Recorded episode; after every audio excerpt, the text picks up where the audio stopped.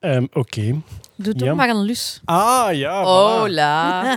De luscommandant is on. Dus nazi. Als het een regel is, is het een regel. Is. Ik verstond lustnazi en dat was zo tegelijkertijd afstotend en erotiserend dat ik het nu een boek wil zien. Mijn kortzondige affaire met de lustnazi.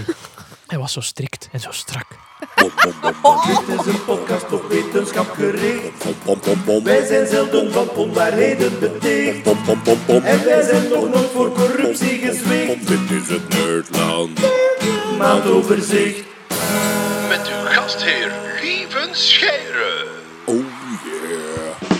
Oh yeah. Een goede dag iedereen, daar zijn we weer met een nieuwe aflevering van het Nerdland Maandoverzicht. Het is vandaag 3 oktober 2020. Wij zitten weer in mijn tuinhuis op anderhalve meter afstand, want eh, ja, de cijfers gaan omhoog, dus we willen heel graag voorzichtig zijn. En bij mij zit Hetty Helswortel. Dag, lieven. Els Aerts. Hallo. Zowel aan de knoppen als aan de microfoon. Stefanie Degene. Hallo. Peter Berks. Jeroen Baert. Hallo. En Poncho de Woef, die zich in stilte bezighoudt met het kapotkrabben van mijn zetels, die al kapot waren, dus dat mag hij sowieso doen. We gaan eens kijken wat we vandaag weer op het menu hebben. Ja, Hetty, blijkbaar is er een Russische bioloog die toch aan een CRISPR-baby wil werken. Dus om het misschien kort te herhalen, we hebben de gigantische rel gehad met de Chinese professor Jiang Kui, of professor He zal het zijn waarschijnlijk die zegt ik heb embryo's met CRISPR bewerkt. Ah ja, eigenlijk moeten we nog zeggen wat CRISPR is, maar daar hebben we een jingle voor. Wel, er is nieuws, het is CRISPR nieuws en CRISPR is gewoonweg de revolutionaire techniek om snel en goedkoop veranderingen aan te brengen. DNA van elk organisme. Voilà. En dus nadat die Chinese professor die techniek toegepast had op menselijke embryo's die effectief geboren zijn, heeft de hele wereld gezegd, dit gaan we niet meer doen. Maar in verschillende landen wordt er nu gezegd, misschien toch al. Wel, het is eigenlijk zo, na die aankondiging van die Chinees op YouTube, zijn er vooral heel veel commissies opgericht.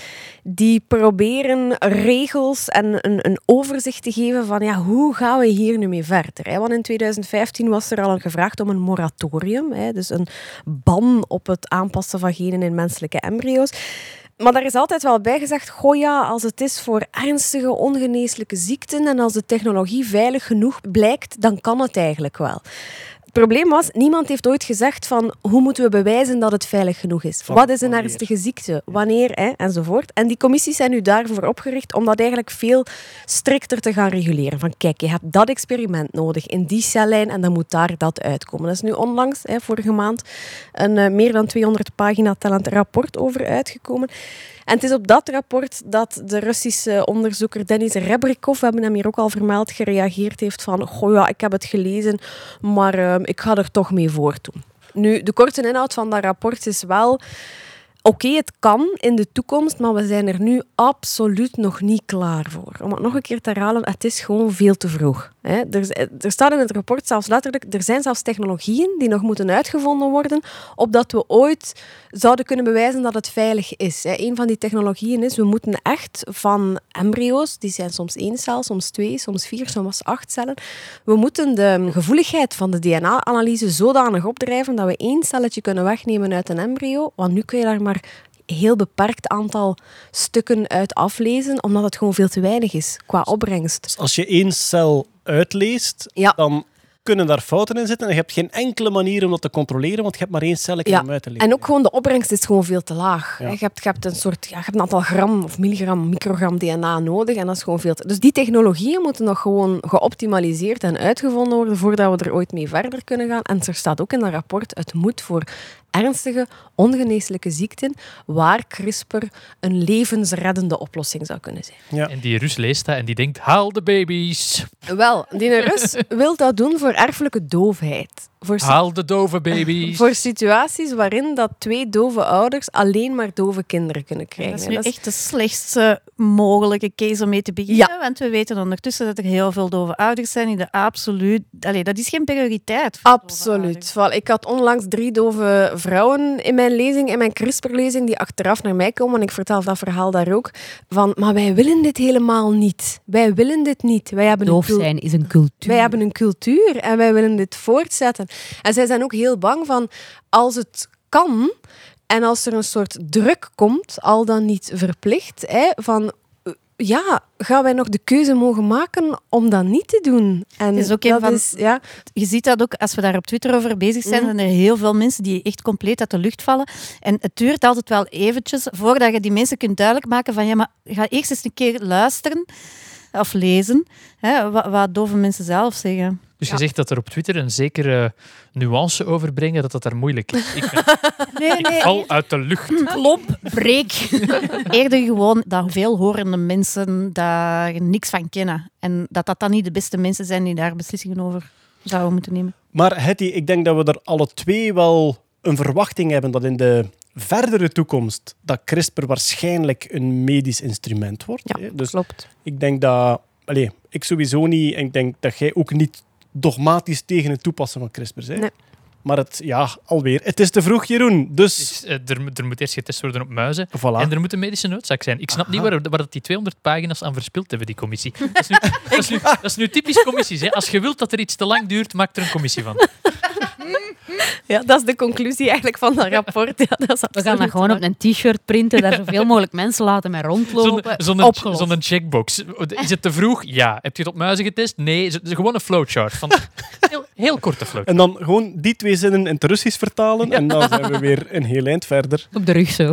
Maar ja, daar valt eigenlijk geen termijn op te kleven, denk ik. hè. Van, vanaf wanneer gaat dat naar morele standaarden verantwoord zijn om CRISPR toe te passen op menselijke embryo's? Embryo- Ja, dat is een goede vraag. Allee, op volwassenen die ziek zijn, allee, daar, daar zijn we nu al. Hè. Maar Ja. inderdaad, die embryo's, dat is... eh, Gaan we niet zoals de vorige keer koud gepakt worden en hier over drie maanden zitten met opeens... Ah ja, er heeft een Rus iets op YouTube gezet.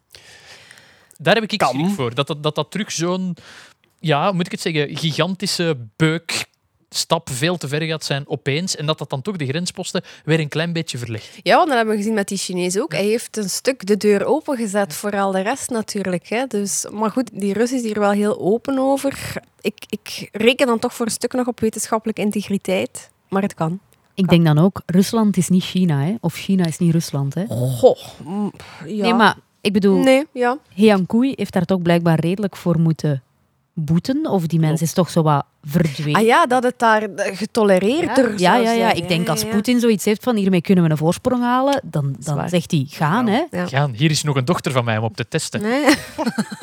Ja, dat hij voor de vlucht vooruit kiest, heeft hij Ja. met het vaccin ook bewezen. Hè. Hier is Sputnik 5, put it in my arm. Ja, kijk. Oké, maar eh, ja, we gaan zien of dat er dan inderdaad een nieuwe He Jiankui opstaat in Rusland die zegt, eh, ik doe het lekker toch. Peter, er was nieuws over de hond. Ja, Enfin, we weten van de hond dat die gedomesticeerd is. Er zijn geweldig boeiende experimenten, recent nog, van de voorbije eeuw, waarbij ze vossen domesticeren, die dan ook gewoon fysiek van vorm, ik denk dat die een Ja. kortere snuit krijgen. die kregen een kortere snuit, die kregen vlekken en die hun oor begonnen te hangen. En was dat op selectie, of was dat dan... Ja, ik denk dat het een Russische geneticus die was die dat heeft gedaan. En die nam uit een nest het meest tamme dier. Dus je doet een test, je kijkt naar die puppies, je probeert die te lokken. En degene die het rapste naar je toe komen en, en het meest aaibaar zijn, die houd je. Je kweekt daarmee verder, je doet met elk nest telkens opnieuw hetzelfde. En na een aantal generaties, dan zie je dat die echt heel tam worden en dat die ook fysiek beginnen te veranderen. Dat is, dat is eigenlijk... Dat, is- Dat was heel raar, ja. maar ja, want- het is ook prachtig, vind ik, omdat je hebt dat samenspel en ja, dat, dat is iets wat uit het jaar lezingen ook wel duidelijk wordt. Die genen zijn meestal niet verantwoordelijk voor één eigenschap, Nee. maar die hebben invloed op allerlei andere Ja, dingen. dat hangt allemaal aan elkaar. Hè. En dus gewoon door de tamme vossen te selecteren, Ja. krijg je bijna ja, Een, uiterlijk dat richting hond zo, ja, ja. En dat is wat men ook zegt, dat de domesticatie van de hond eigenlijk in twee stappen is gebeurd. De eerste stap hebben ze zelf gedaan. Dus die wolven die rond mensenkampementen hangen en dan leven van de rest die die, die mensen weggooien. Daar heb je dan de meest onverschrokken dieren, die komen dan het dichtste bij. En die worden dan na een tijd door de mensen gevangen of, of weet ik veel wat. En door die selectie, wat, wat ik juist uitleg, door dat proces, hebben de mensen dat eigenlijk verder gezet. Dus ze, ze vermoeden dat dat in twee stappen is. Dus je zou kunnen zeggen, het is ook speculatie op een manier. hè, Natuurlijk, maar ja, ja, ja. Je zou kunnen zeggen dat de wolvenroedel in eerste instantie zichzelf een beetje gesplitst heeft in de schuwere dieren die in de natuur bleven Ja. en de minder schuwe die... Die rond de mensen begonnen rond te hangen. Voilà. En dat was al een beetje een splitsing. Ja. En dan de mens heeft waarschijnlijk inderdaad echt geselecteerd. Voilà, ja. Maar goed, ik heb nu zelf sinds kort een hond en dan leid ik dus aan het zogenaamde Bader-Meinhof-fenomeen. Want nu begin ik overal dingen te zien over honden. En dit viel mij nu op en ik vond dat eigenlijk wel een heel... Dat gaat wel over, ze Peter. dat gaat niet. Ja, Is honden zoals katten? Dat, ik weet nog, ik was... Eh, nee. Honden is niet zoals katten. Nee, Nee, iets nee, nee, slechter.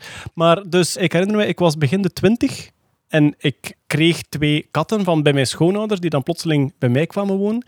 En na een tijdje had ik door, wacht eens, ik heb geen huisdier gekocht, ik ben deel geworden van een secte. Want, De kat heeft mij geadopteerd. Ik heb de kat niet geadopteerd. ja, niet alleen nee, dat, nee. ik ging naar de nachtwinkel om kattenvoedsel. en dus de man waar ik al jarenlang bij kwam voor noedels en pintjes en gelijk wat, die zei opeens, you have cats. Eh, mijn- En ik zeg, I ja, ja, ik eet dat niet zelf. You have cats. Look, this, this is my cats. En dan toonde hij zijn katten. En, dat is de volgende stap, kattenanekdotes. ah ja. Oh ja, kattenanekdotes. Zeg, en, hé, en onze Felix, wat had hij nu weer... En hij komt thuis en hij ligt er normaal nooit. En hij begon... Yo, ik, En- heb een, ik heb een collega die in haar tuin een nestje katten heeft. Daar wordt meer over gepraat op de werkvloer dan eender welk een baby. Hè? ja. Maar, dat heb ik wel gemerkt, dat gaat over als je kinders krijgt. Want dan is die kat opeens terug een huisdier, omdat al uw anekdotiek en ja, sociaal ge- geleuter gaat dan plotseling over die klein. Ja. Maar dus bij honden heb je een beetje hetzelfde. Daar heb je hetzelfde. Nu, en ofwel zit je een hondenmens, ofwel zit je een kattenmens. En meestal is dat niet compatibel. Maar ik ben beide. Dus we hebben thuis een kat. Die kat is niet gelukkig met die hond. Hebben die kat nu negen jaar, maar die kat is nu verhuisd naar de garage. Oké. Hallo. Oh. Dat is wel nee, niet oké, nee, hè? Ze hebben die luister, met een verhuiswagen en zo, hè, jongens. Die heeft ook een kleine partij, het Katbelang, opgericht. Ja. Ze pakken hier alles van ons af. Eigen katten eerst. Alle Maar- honden maar- buiten. Nee, nee, ja. Maar voor alle duidelijkheid, het is de kat haar eigen keuze. Het is niet dat ik ze gedwongen heb. Ze mag in de living, maar ze wil niet meer. Dus De is- mensen in deze Ze is tent. weggepest en, en dan zo, oh ja, ze heeft zelf Kijk, gekozen om... Kan, het kan natuurlijk wel zijn dat het enthousiasme, hè, tussen aanhalingstekens van mijn hond, daar wel een rol in speelt. Maar in het begin was die een even groot als die kat. Nu niet meer. Nu is die 50 keer groter. Nu, Zeg maar over zo de kattenmens en de crazy old cat lady. hè, dat crazy zo, cat ladies. Ja, ja. Ja, het, is- het cliché is. Daar zit wetenschap achter. daar zit, ja, Het is een vermoeden, hè? Ja. Het is een vermoeden, ja, Ja. Er is een vermoeden dat dat een parasiet is. dat het toxoplasmose is. Hè? Ja, ja, ja. Toxoplasmose is een parasiet die, als die binnendringt in muizen- en rattenhersenen, de neiging van die muizen en die ratten om het gezelschap van katten op te zoeken Ja. vergroot. Waarom? Die parasiet moet in de maag van een kat ja, terechtkomen voor zijn volgende levensfase. dus die bewerkt die hersenen van niet meer bang zijn van kattenmuisje. Ja. En er is een vermoeden dat als je toxoplasmose krijgt als mens en dat speelt op, dat je meer aangetrokken wordt tot katten. Nog niet bewezen. Als bij- je, als je een baby krijgt, dan begint alles veel beter te wassen en dan komt dat zo niet meer binnen in je systeem of Dat zo. weet ik niet, dat weet Nee, ik niet. maar Ik had een Facebookpagina voor een van mijn katten, Dexter de kat. Die is niet meer geüpdate sinds dat Loeder is. Ah ja, voilà. Ja, voilà. Voilà. Maar ik wil er nu vanaf zijn, want ik, ik zou het moeten checken. Maar ik dacht, als mannen werden geïnfecteerd door toxoplasmose, dan worden ze iets roekelozer. Ah, ja. En als dat bij een bepaalde leeftijdscategorie vrouwen is, dan krijg je crazy cat ladies. Allee. Ja. Maar ja, maar er zijn echt filmpjes Ja. van, van ratten die toxoplasmose hebben, die katten aanvallen. Dus die kunnen niet winnen, maar die zijn gewoon, die hersenen zijn zodanig bewerkt door die parasiet, dat die echt richting kat lopen van wat kom je ga hier doen, kameraad? Nu, ik zou niet erop zeggen dat die niet kunnen winnen. ze, Hè. Zo. Nee, een rat, Even dat is enige rat, godverdikke, niet alle katten beginnen eraan. Nee, hè. Ja, als, dat je is ze- waar. als je die in een hoek drijft. Zeker die tamme huisbeesten. Maar Maar fijn, goed. we gaan terug naar het wetenschapsnieuws, want wat is er nu onderzocht, Peter? Ja. Niet alleen de fysiek veranderd, de mens heeft Ook het brein van de honden veranderd. het brein van Ja, de hond ja, veranderd door selectie dan. Ja, het onderzoek is tweeledig. Ze hebben eerst zich gebaseerd op filogenetisch onderzoek. En dan blijkt, Wat Dat is je- filogenetisch? Dus duur- de, de woord om te zeggen dat je in de biologie wordt de filogenie gebruikt om verwantschappen tussen soorten te kunnen aanduiden. Dus je gaat altijd kijken wat is je gemeenschappelijke voorouder en zo bouw je dan eigenlijk een soort boomstructuur op Ah, ja, ja. waarbij je dan heel die verwantschappen kunt zien.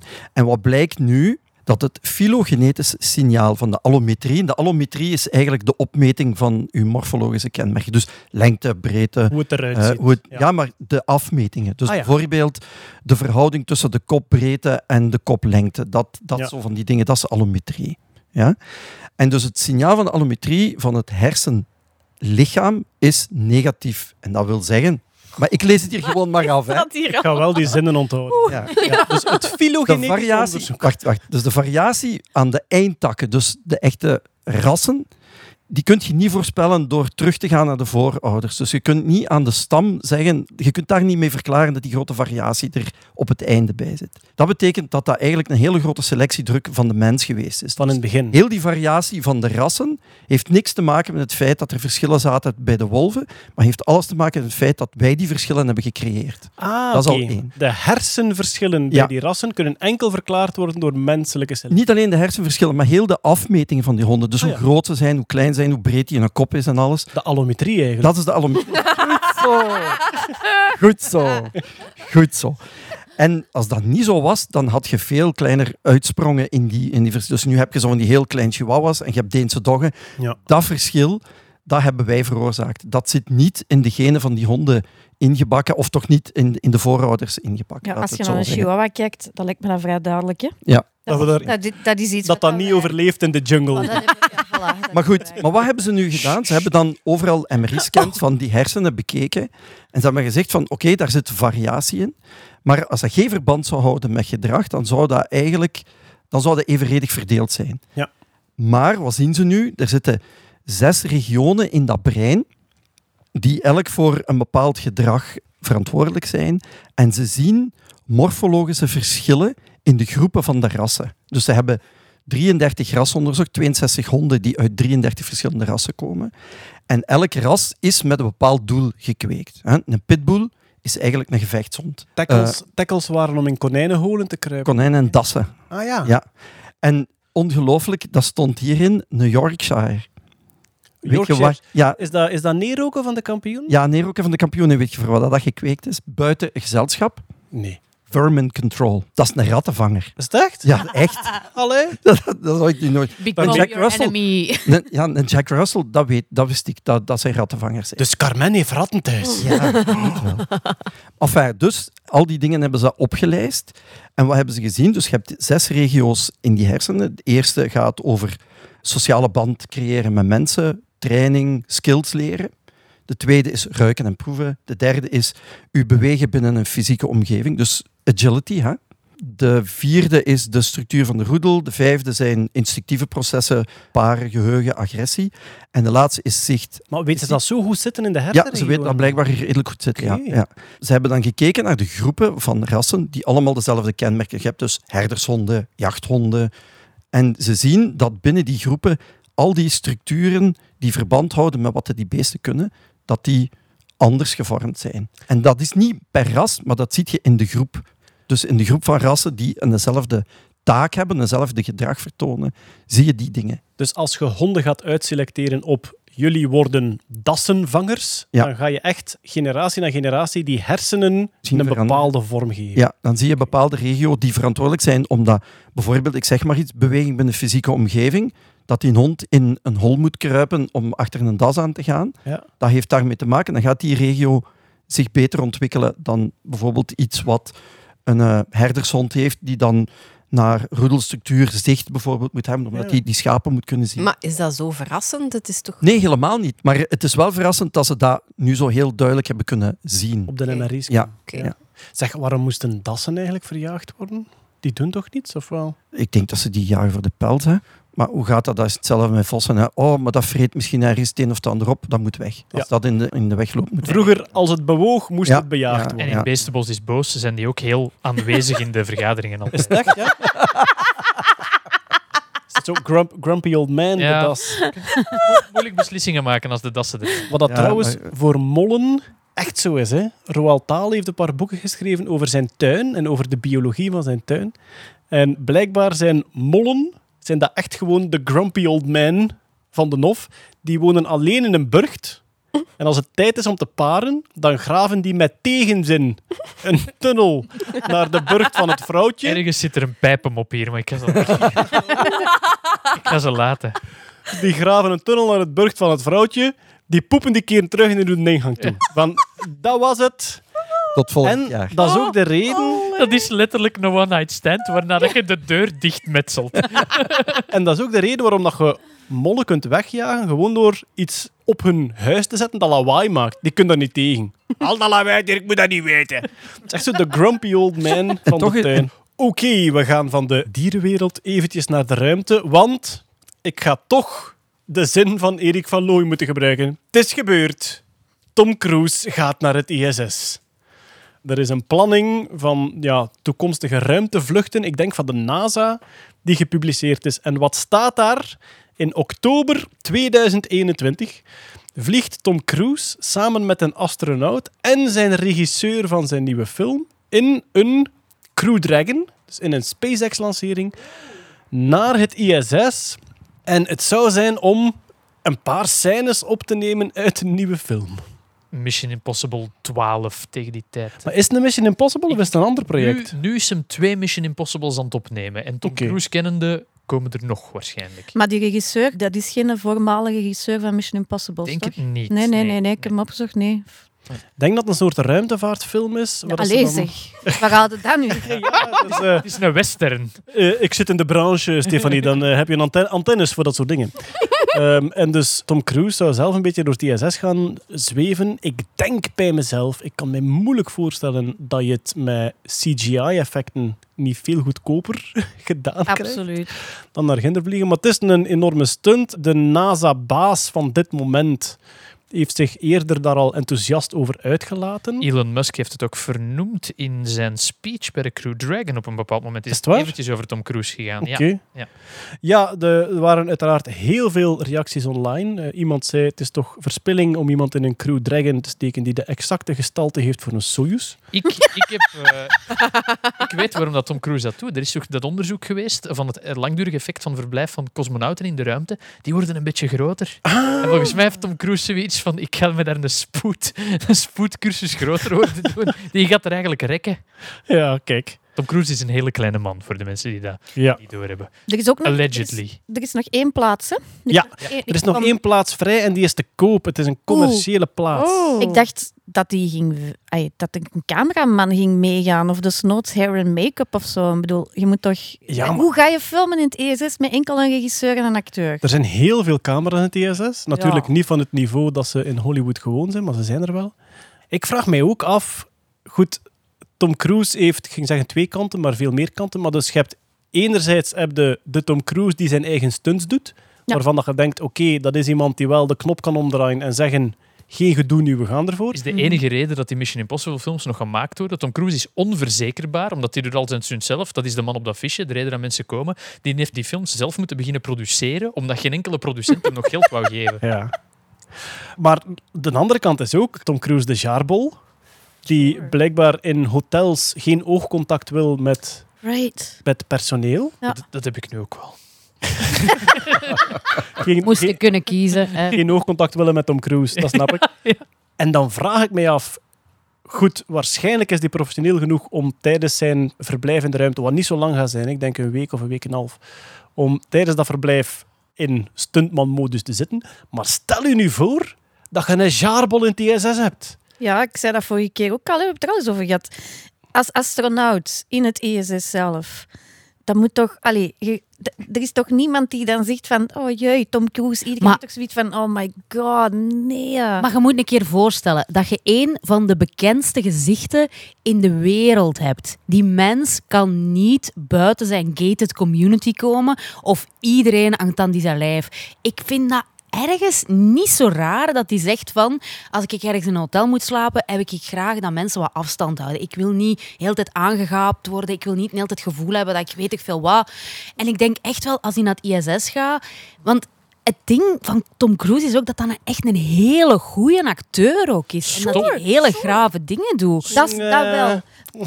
Stop met die Scientology-creep te humaniseren.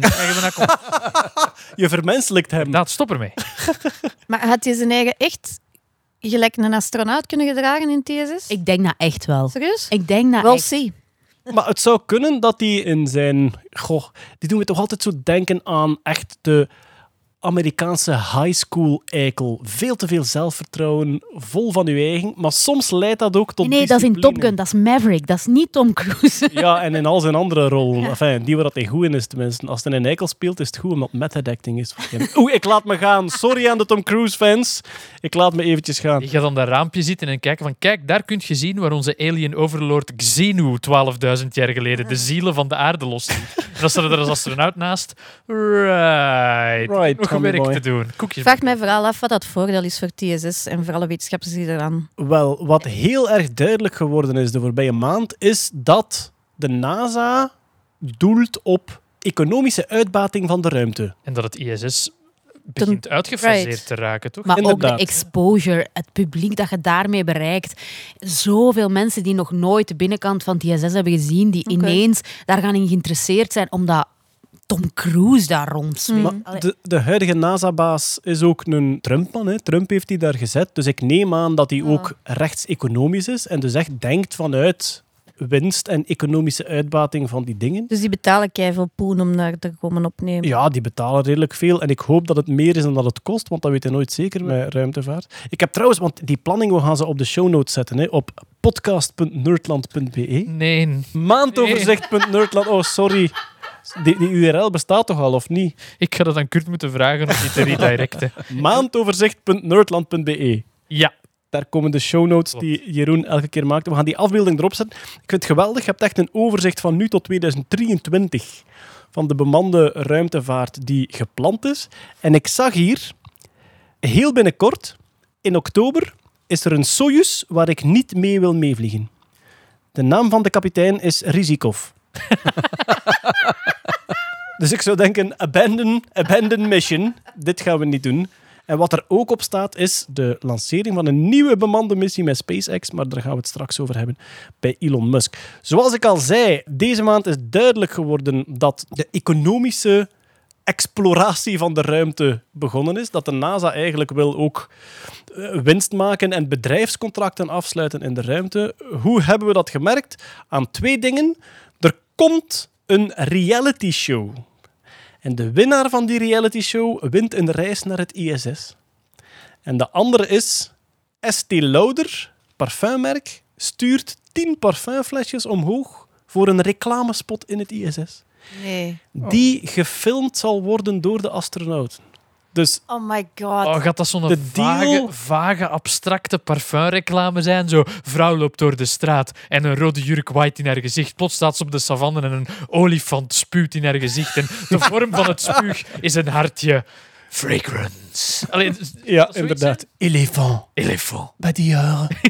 Bart van Peer heeft een heel arsenaal aan parfumreclame parodieën, die meestal daarover gaan. En de meeste gaan over... We hadden ooit een discussie over of dat het geluid van een scheet verraadt hoe die zal ruiken. Ah, de trompet of de silent killer. Ah, wel. En Bart zei dat hij vooral op zijn hoede was voor de... ja, Een droge uitlaat. Ja, ja, dus die, die die niet kleppert, maar die gewoon... en dus zijn idee was toen om inderdaad een heel vaag zwart-wit en sepia beeld te maken van iemand die strompelt over het strand en de wind in de, in de haren en de haren uit de ogen veegt, om dan af te sluiten met... Bij die eh, Ik zie Kira Knightley, dat is zo. Kira Knightley, die ook altijd zo een beetje vissenlipjes naar voren trekt. Hè. Dat, ik, vind, eh, ik vind dat gek. Iets te veel onderkin. Goed, waar waren we gebleven? Ja, dus het ISS gaat commercieel uitgebaat worden. Een reality-reeks, Jeroen. Ja, En de winnaar mag naar het ISS. Maar zoals in echt, echt... Want ik weet, er is ooit een reality-reeks geweest waarin ze mensen wijsgemaakt hebben dat ze astronaut werden. En in de laatste aflevering hebben ze dus echt gewoon een fake raket gebouwd en daarmee getrild en die laten geloven dat ze gelanceerd werden. Om dan, de, deur, ja, om dan de deur open te doen en te zeggen... Haha, dat, zo ver is reality tv gekomen. dit, Ja, is, ja. dit is een, een productiehuis dat het al heeft bedacht. Het format Space Hero zou de naam van het programma zijn. En ze willen met het geld dat ze gaan ophalen als een tv-licentie gekocht wordt daarop, willen ze een zitje aan, aan boord van TSS kopen. Dus het is echt nog maar gewoon het idee van wij willen dat programma ontwikkelen, geef ons geld, we kopen dat zitje en dan komt het op de buis. Ah, dus zij hebben het concept Ja, doorgerekend en ze zeggen als er één zender is die dit bedrag betaalt, dan, kunnen, kunnen we dat, maken. Oké, ja, ja, Je ja. hebt dan wel de kans dat je net in die vlucht met Tom Cruise en zijn regisseur zit en dat is Dat gewoon kan niet meer. geen oogcontact Maken drie dagen lang tot als je aangekomen bent. Ah, shit, Tom Cruise zit aan het raam, dat is eigenlijk mijn plaats, maar ja, ik zal het maar laten. Lul. Trouwens, kent iemand de Rich Hall sketch Ja, van Tom ja. Cruise scenario's? Dat was ook de eerste reactie op Twitter. Tom Cruise is an astronaut. He's a pretty good astronaut. Until he has a crisis of confidence and can't be a good astronaut anymore. Voor de mensen die niet mee zijn, we kunnen het eigenlijk hier niet uitleggen. Je moet het gewoon opzoeken. Rich Hall, Tom Cruise sketch. Hij geeft zijn visie op alle scenario's van Tom Cruise films. En hij doet het op een hilarische manier. Ik denk eh, via Xander de Rijken ook verdacht toepasbaar op Matthias Schoenaerts zijn carrière. Matthias Ah, is Schoenaerts juist. speelt ook altijd de grizzly, de grizzly man met een, met een verleden dat een beetje dinges is. Maar- Getroubleerde Ja, relatie. getroubleerde relatie. Ja, dat was eh, de gimmick volgens eh, Xander bij Matthias Schoenaerts. Ja, ik ga nu een weetje vertellen over Rich Hall, maar ik denk dat iedereen het hier al weet, of nog niet?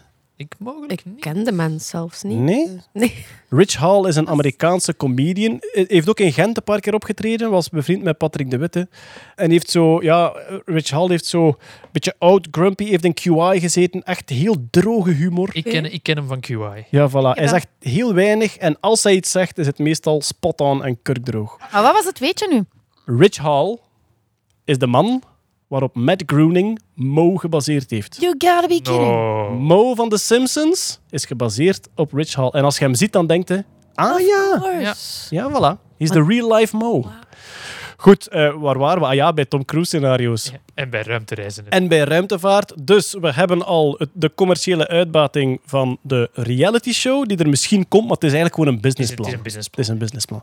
En de andere is dus een reclame voor ST Lauder. Ze gaan eh, tien parfumflesjes omhoog sturen, die dan inderdaad... Ze gaan die zo'n beetje laten rondtollen in die, iets met de... Met de in die cupola. ja. De afspraak is, er komen geen astronauten in beeld, maar ze gaan het wel zelf moeten filmen, want je kunt geen cameraman naar daar sturen. dus het zou zomaar kunnen dat je als astronaut ergens in de toekomst keihard getraind hebt. Wetenschappelijke opleiding, grote dromen van de ruimte.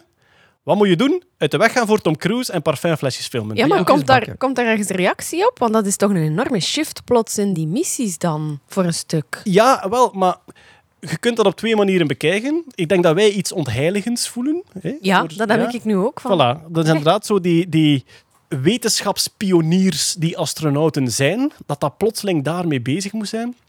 En er zijn ook mensen die zeggen, het is ergens een volgende stap in de mensheid dat dit op die manier gebruikt kan worden. Ja, maar moet er dan gewoon een ander ISS daarvoor gaan dienen? maar dat is misschien kost- de Dat is een zaak voor Dat de vakbond, hè, jongens.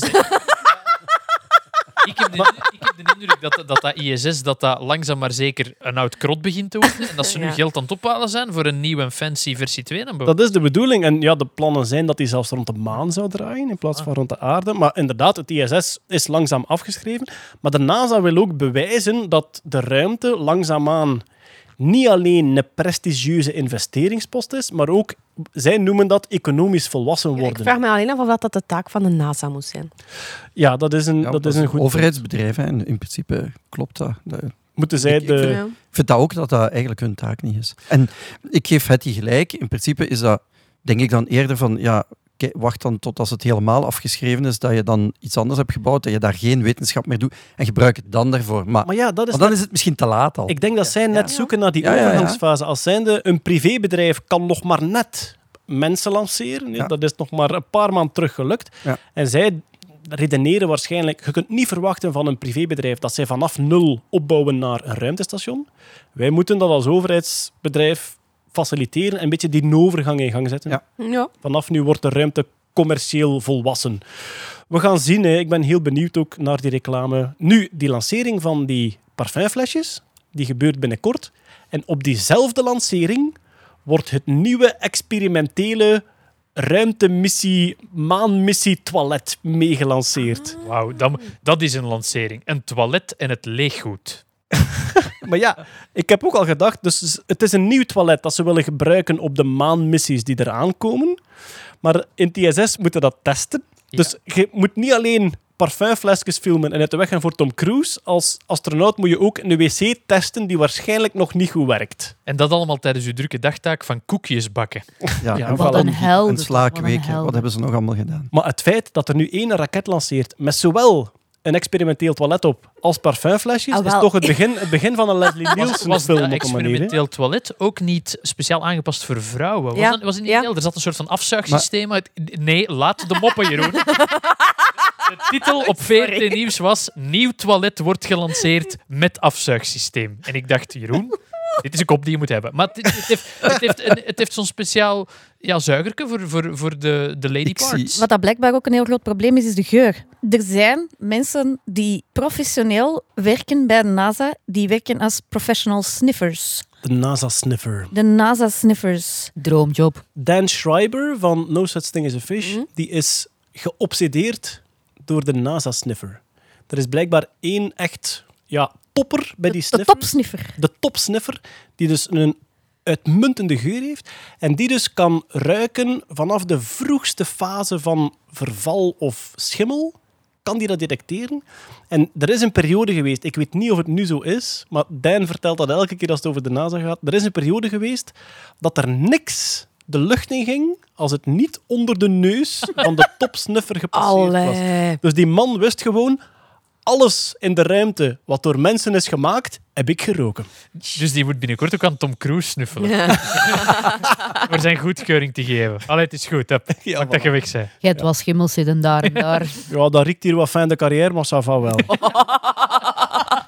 maar ja, het, het grote probleem van dat toilet is inderdaad het gebrek aan zwaartekracht. Er is niks wat uw keutel of pipi de pot intrekt. Nee, dat moet daarin gezogen worden. En ze doen dat effectief met luchtafzuiging. Dus zo kun je een beetje trekken.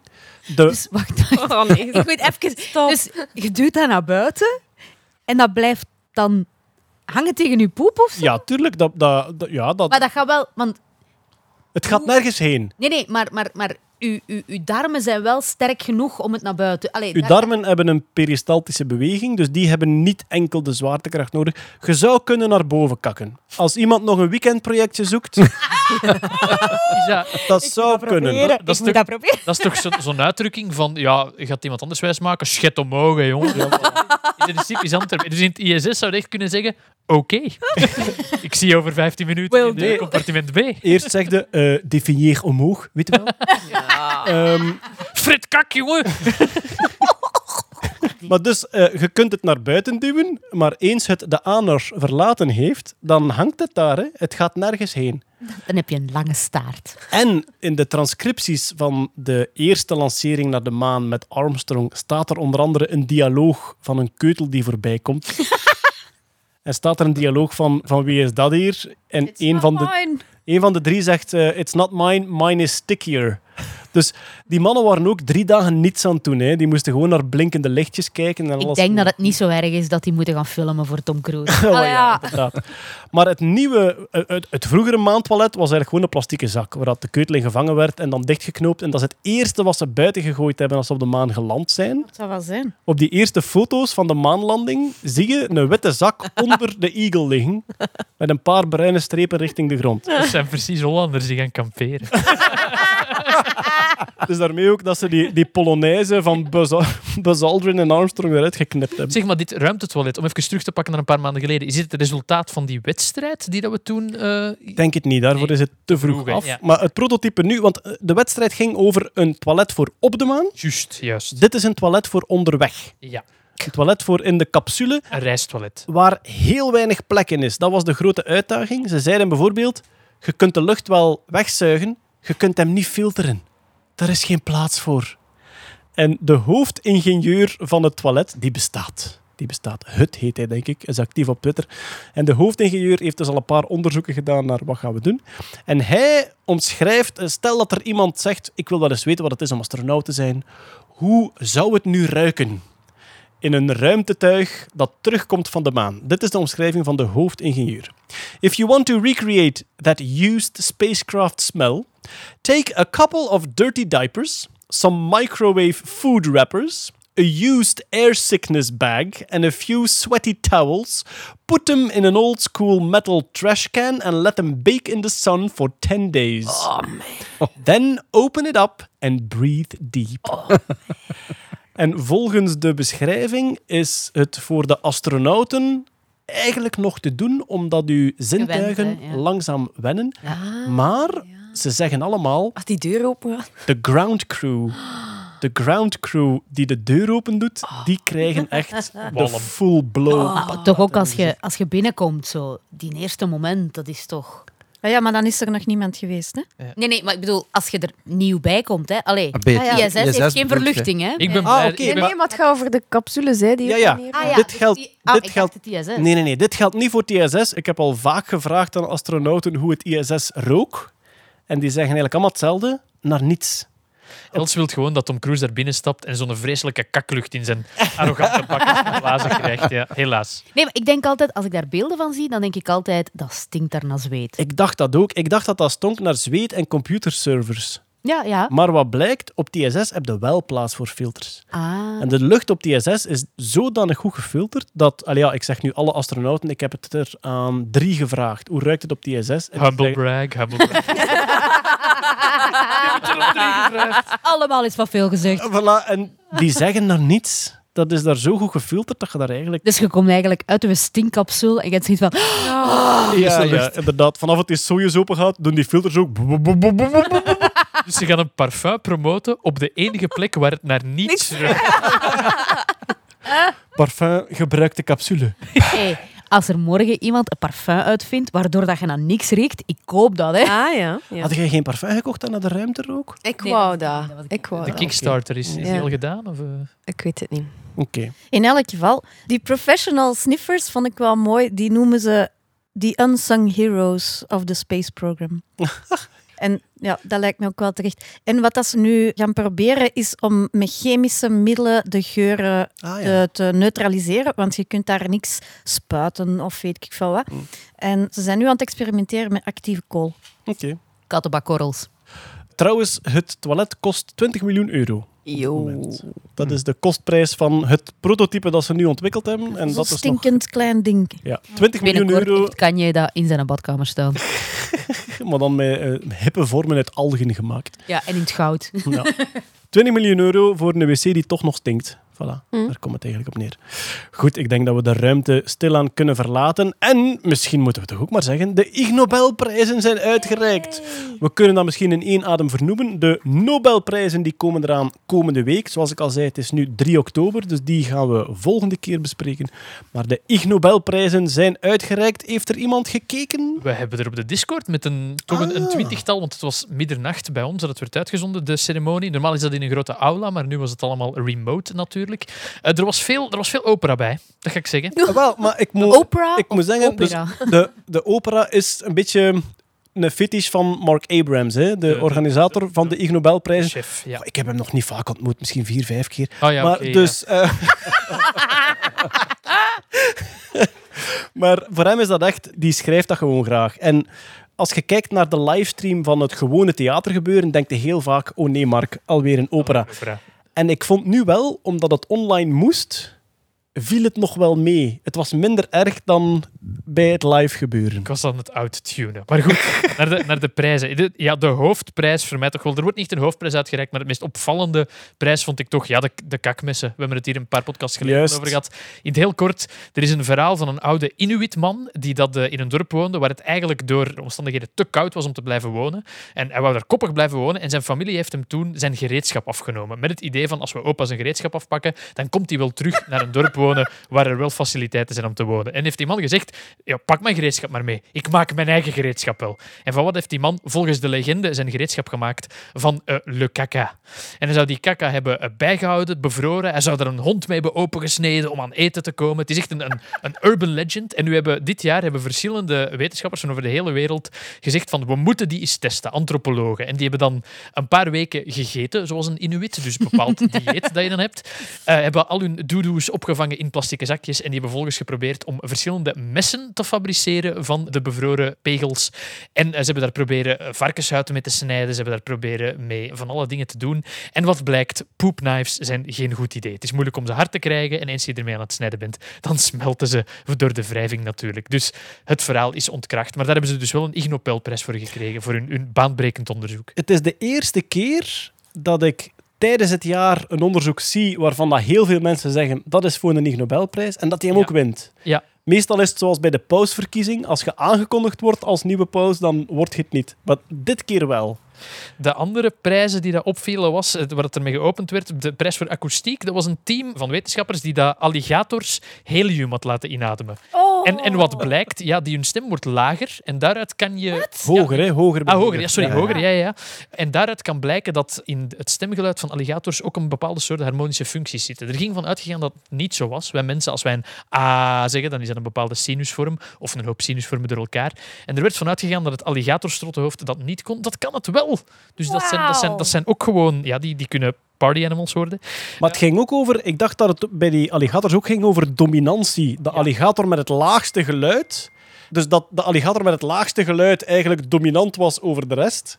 En dat hebben ze dan onderzocht door die helium te geven, om dan te zien, ah, nu zijn het de losers. Maar stel je voor, je zegt gewoon de meest badass alpha-male alligator van de bende. En een of andere onderzoeker geeft u helium en niemand pakt u nog serieus. Omdat je zo... Je zegt- Je zegt zo echt de baas. En ineens, hey, de baas! De, de Ig Nobelprijs voor Economie is gegaan naar een team dat het verband tussen de inkomensongelijkheid van een land, dus verschil tussen arm en rijk, heeft onderzocht in functie van hoe vaak dat er daar mond-op-mond gekust wordt op een land. Dus een land met veel French kissing. En nu moet ik even nadenken. Wat heeft het een land? grotere Gro- inkomensongelijkheid. Ja, heeft een grotere inkomensongelijkheid. Dus hoe meer er gemuild wordt, hoe groter de ongelijkheid. is dat Ja, causaliteit of correlatie? dat is de grote vraag. Het is, ja, causala- causaliteit. Causalatie. Ja, causalatie. Causaliteit is het zeker niet. Maar de vraag is, is de correlatie toevallig of niet? Omdat er zijn dan theorieën over passionele culturen.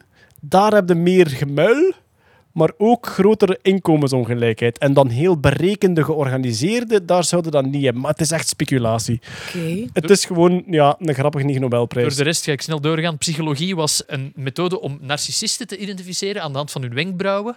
Handig. Handig. Mag ik toch een van mijn favorieten nog Go, vernoemen? go it. Is, het- is het de trillende aardworm? De Ah, Ig ja. Nobelprijs voor de Vrede ging naar India en Pakistan voor het meermaals toepassen van belke trek tussen de ambassades. dus we hebben het hier over twee kernmachten. Allee. Twee landen met atoombommen. Die elkaar pesten. En dus blijkbaar zowel de Pakistaanse ambassade in India als de Indische ambassade in Pakistan krijgt regelmatig s'nachts belke trek. Maar, Gewoon om te zeggen, ah, hier, India, wij kunnen die niet uitstaan, hè. Ding.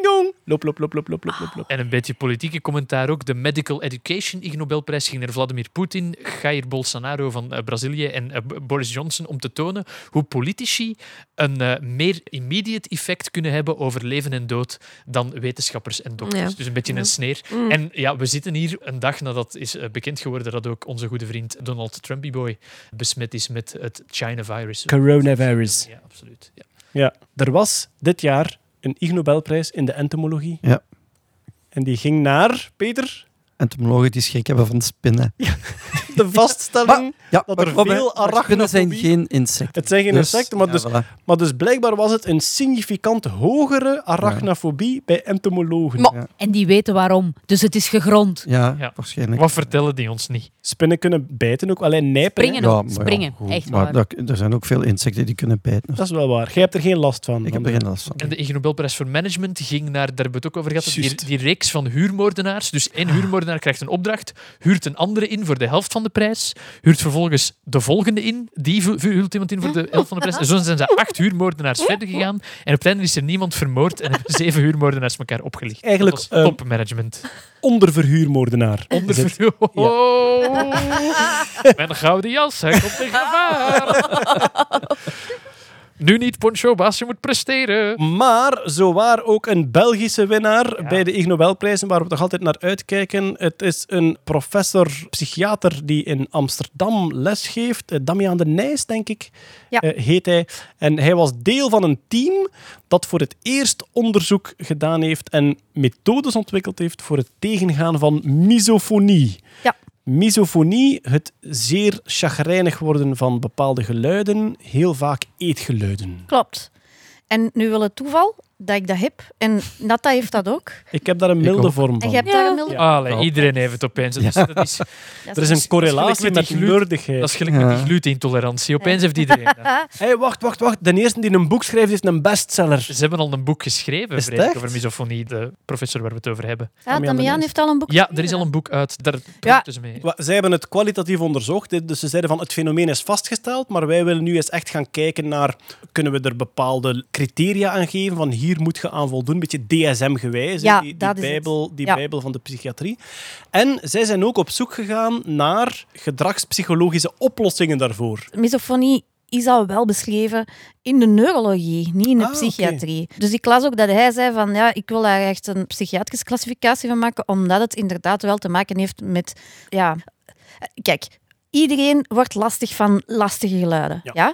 Maar misofonie gaat veel, veel verder. Mensen hebben het in verschillende gradaties.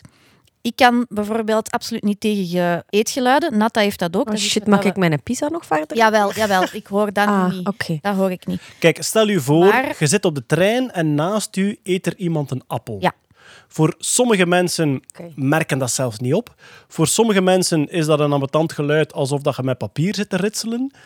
Ik mo- moet mij eigenlijk verzetten. Oeh. Ja. Ja, ik moet mij eigenlijk verzetten. En het belangrijkste is, het gaat niet enkel over ergernis, het gaat over echt woede Ja, en klopt. agressie. En je krijgt de neiging om iemand op hun gezicht te slaan. Letterlijk, je wilt die Ja. slaan. Ja, je wilt die echt slaan. Dus je moet je eigen verwijderen. Natta heeft bijvoorbeeld, ze had het mij gezegd, als iemand drinkt en je hoort het doorslikken, daar wordt zij ook vreselijk, vreselijk agressief van. Ik ook. Bij mij is het vooral hetgeen wat mij het meeste Shit, ik durf triggert. niet meer bewegen. Hetgeen wat mij het meeste triggert is fluisteren. Fluisteren en op de tweede plaats de Jezus is, die hier al is. De Jezus. Ja, dat doe het nu niet. Oh, sorry, ah, maar ik wist niet dat dat je misofonie triggerde. Ja, absoluut. Ja. Allee, oh, dat wist ik niet. Oh, sorry. Nee, het is niet erg. Fluisteren is nog veel erger. Oh, sorry. Maar dus... Dat- dat heb ik- Oh, godverdomme! Fluisteren in... Het is een zeer onverantwoord wetenschappelijk experiment. Als er in een radioreclame gefluisterd Nee, wordt, ik heb zin om mijn radio in te schoppen. Ah, je hebt het ook met fluisteren. Ja, ik heb het ook met Fuck fluisteren. Maar wat is deze gewoon? Nee, maar dat is echt... Ah, wel. Nu, oké, ik moet even als radiomaker. Ja. Denkt dus echt dat dat intimistisch Nee, is? Hè? nee, nee. Dat je daar een bepaalde sfeer Nee, mee creëert. Hè? Maar sommige wacht. mensen wel. Want sommige mensen hebben bijvoorbeeld die ASMR-dinges. ASMR, Ja, ja. ASMR. Ja. Daar zit ook heel vaak fluisteren bij. Als ik dat opzet, nee, dat is heel gevaarlijk. Want ik inderdaad, ik heb de neiging om met dingen te beginnen smijten. Dus Nu- met, een- met een partner heb jij roep lieve dingen in mijn oor. Ja, ja, liefst. Ja. Het schone borsten! Liefde. En, eh, Zeg. en de buurman zegt, was plezant gisteren. Nee, maar dat is echt, gezegd net, als radiomaker vinden wij fluisteren intimistisch. Dat is het ook. Misofonie is een aandoening. En dat is, laat ons zeggen, in mijn geval is dat een milde aandoening. Wat wil ik daarmee zeggen? Ik kan me niet herinneren dat ik ooit mijn leven aangepast heb aan misofonie. Ik heb nooit een job verlaten daarvoor, ergens niet naartoe geweest. Ik heb al mensen Zijn- die een appel eten op de trein op hun bakjes geslagen, maar Ja. buiten dat. Maar ook, maar ook dat, ik kan mij daarin beheersen. Er zijn veel patiënten van misofonie bij, bij wie dat niet zo is. Zeg, wat zijn de Die- percentages daarvan? Want allee, ik ben me daar totaal niet van bewust en ik eet ook vaak appels op de trein en zo. Misschien Ah. daar zo. Percentages weet ik niet van buiten, maar het is wel zo dat er maar weinig mensen zijn die echt effectief zich niet kunnen bedwingen. Maar het bestaat. Er zijn mensen die, ja, die dan... Hij beschrijft een van zijn patiënten, die heeft het met niezen.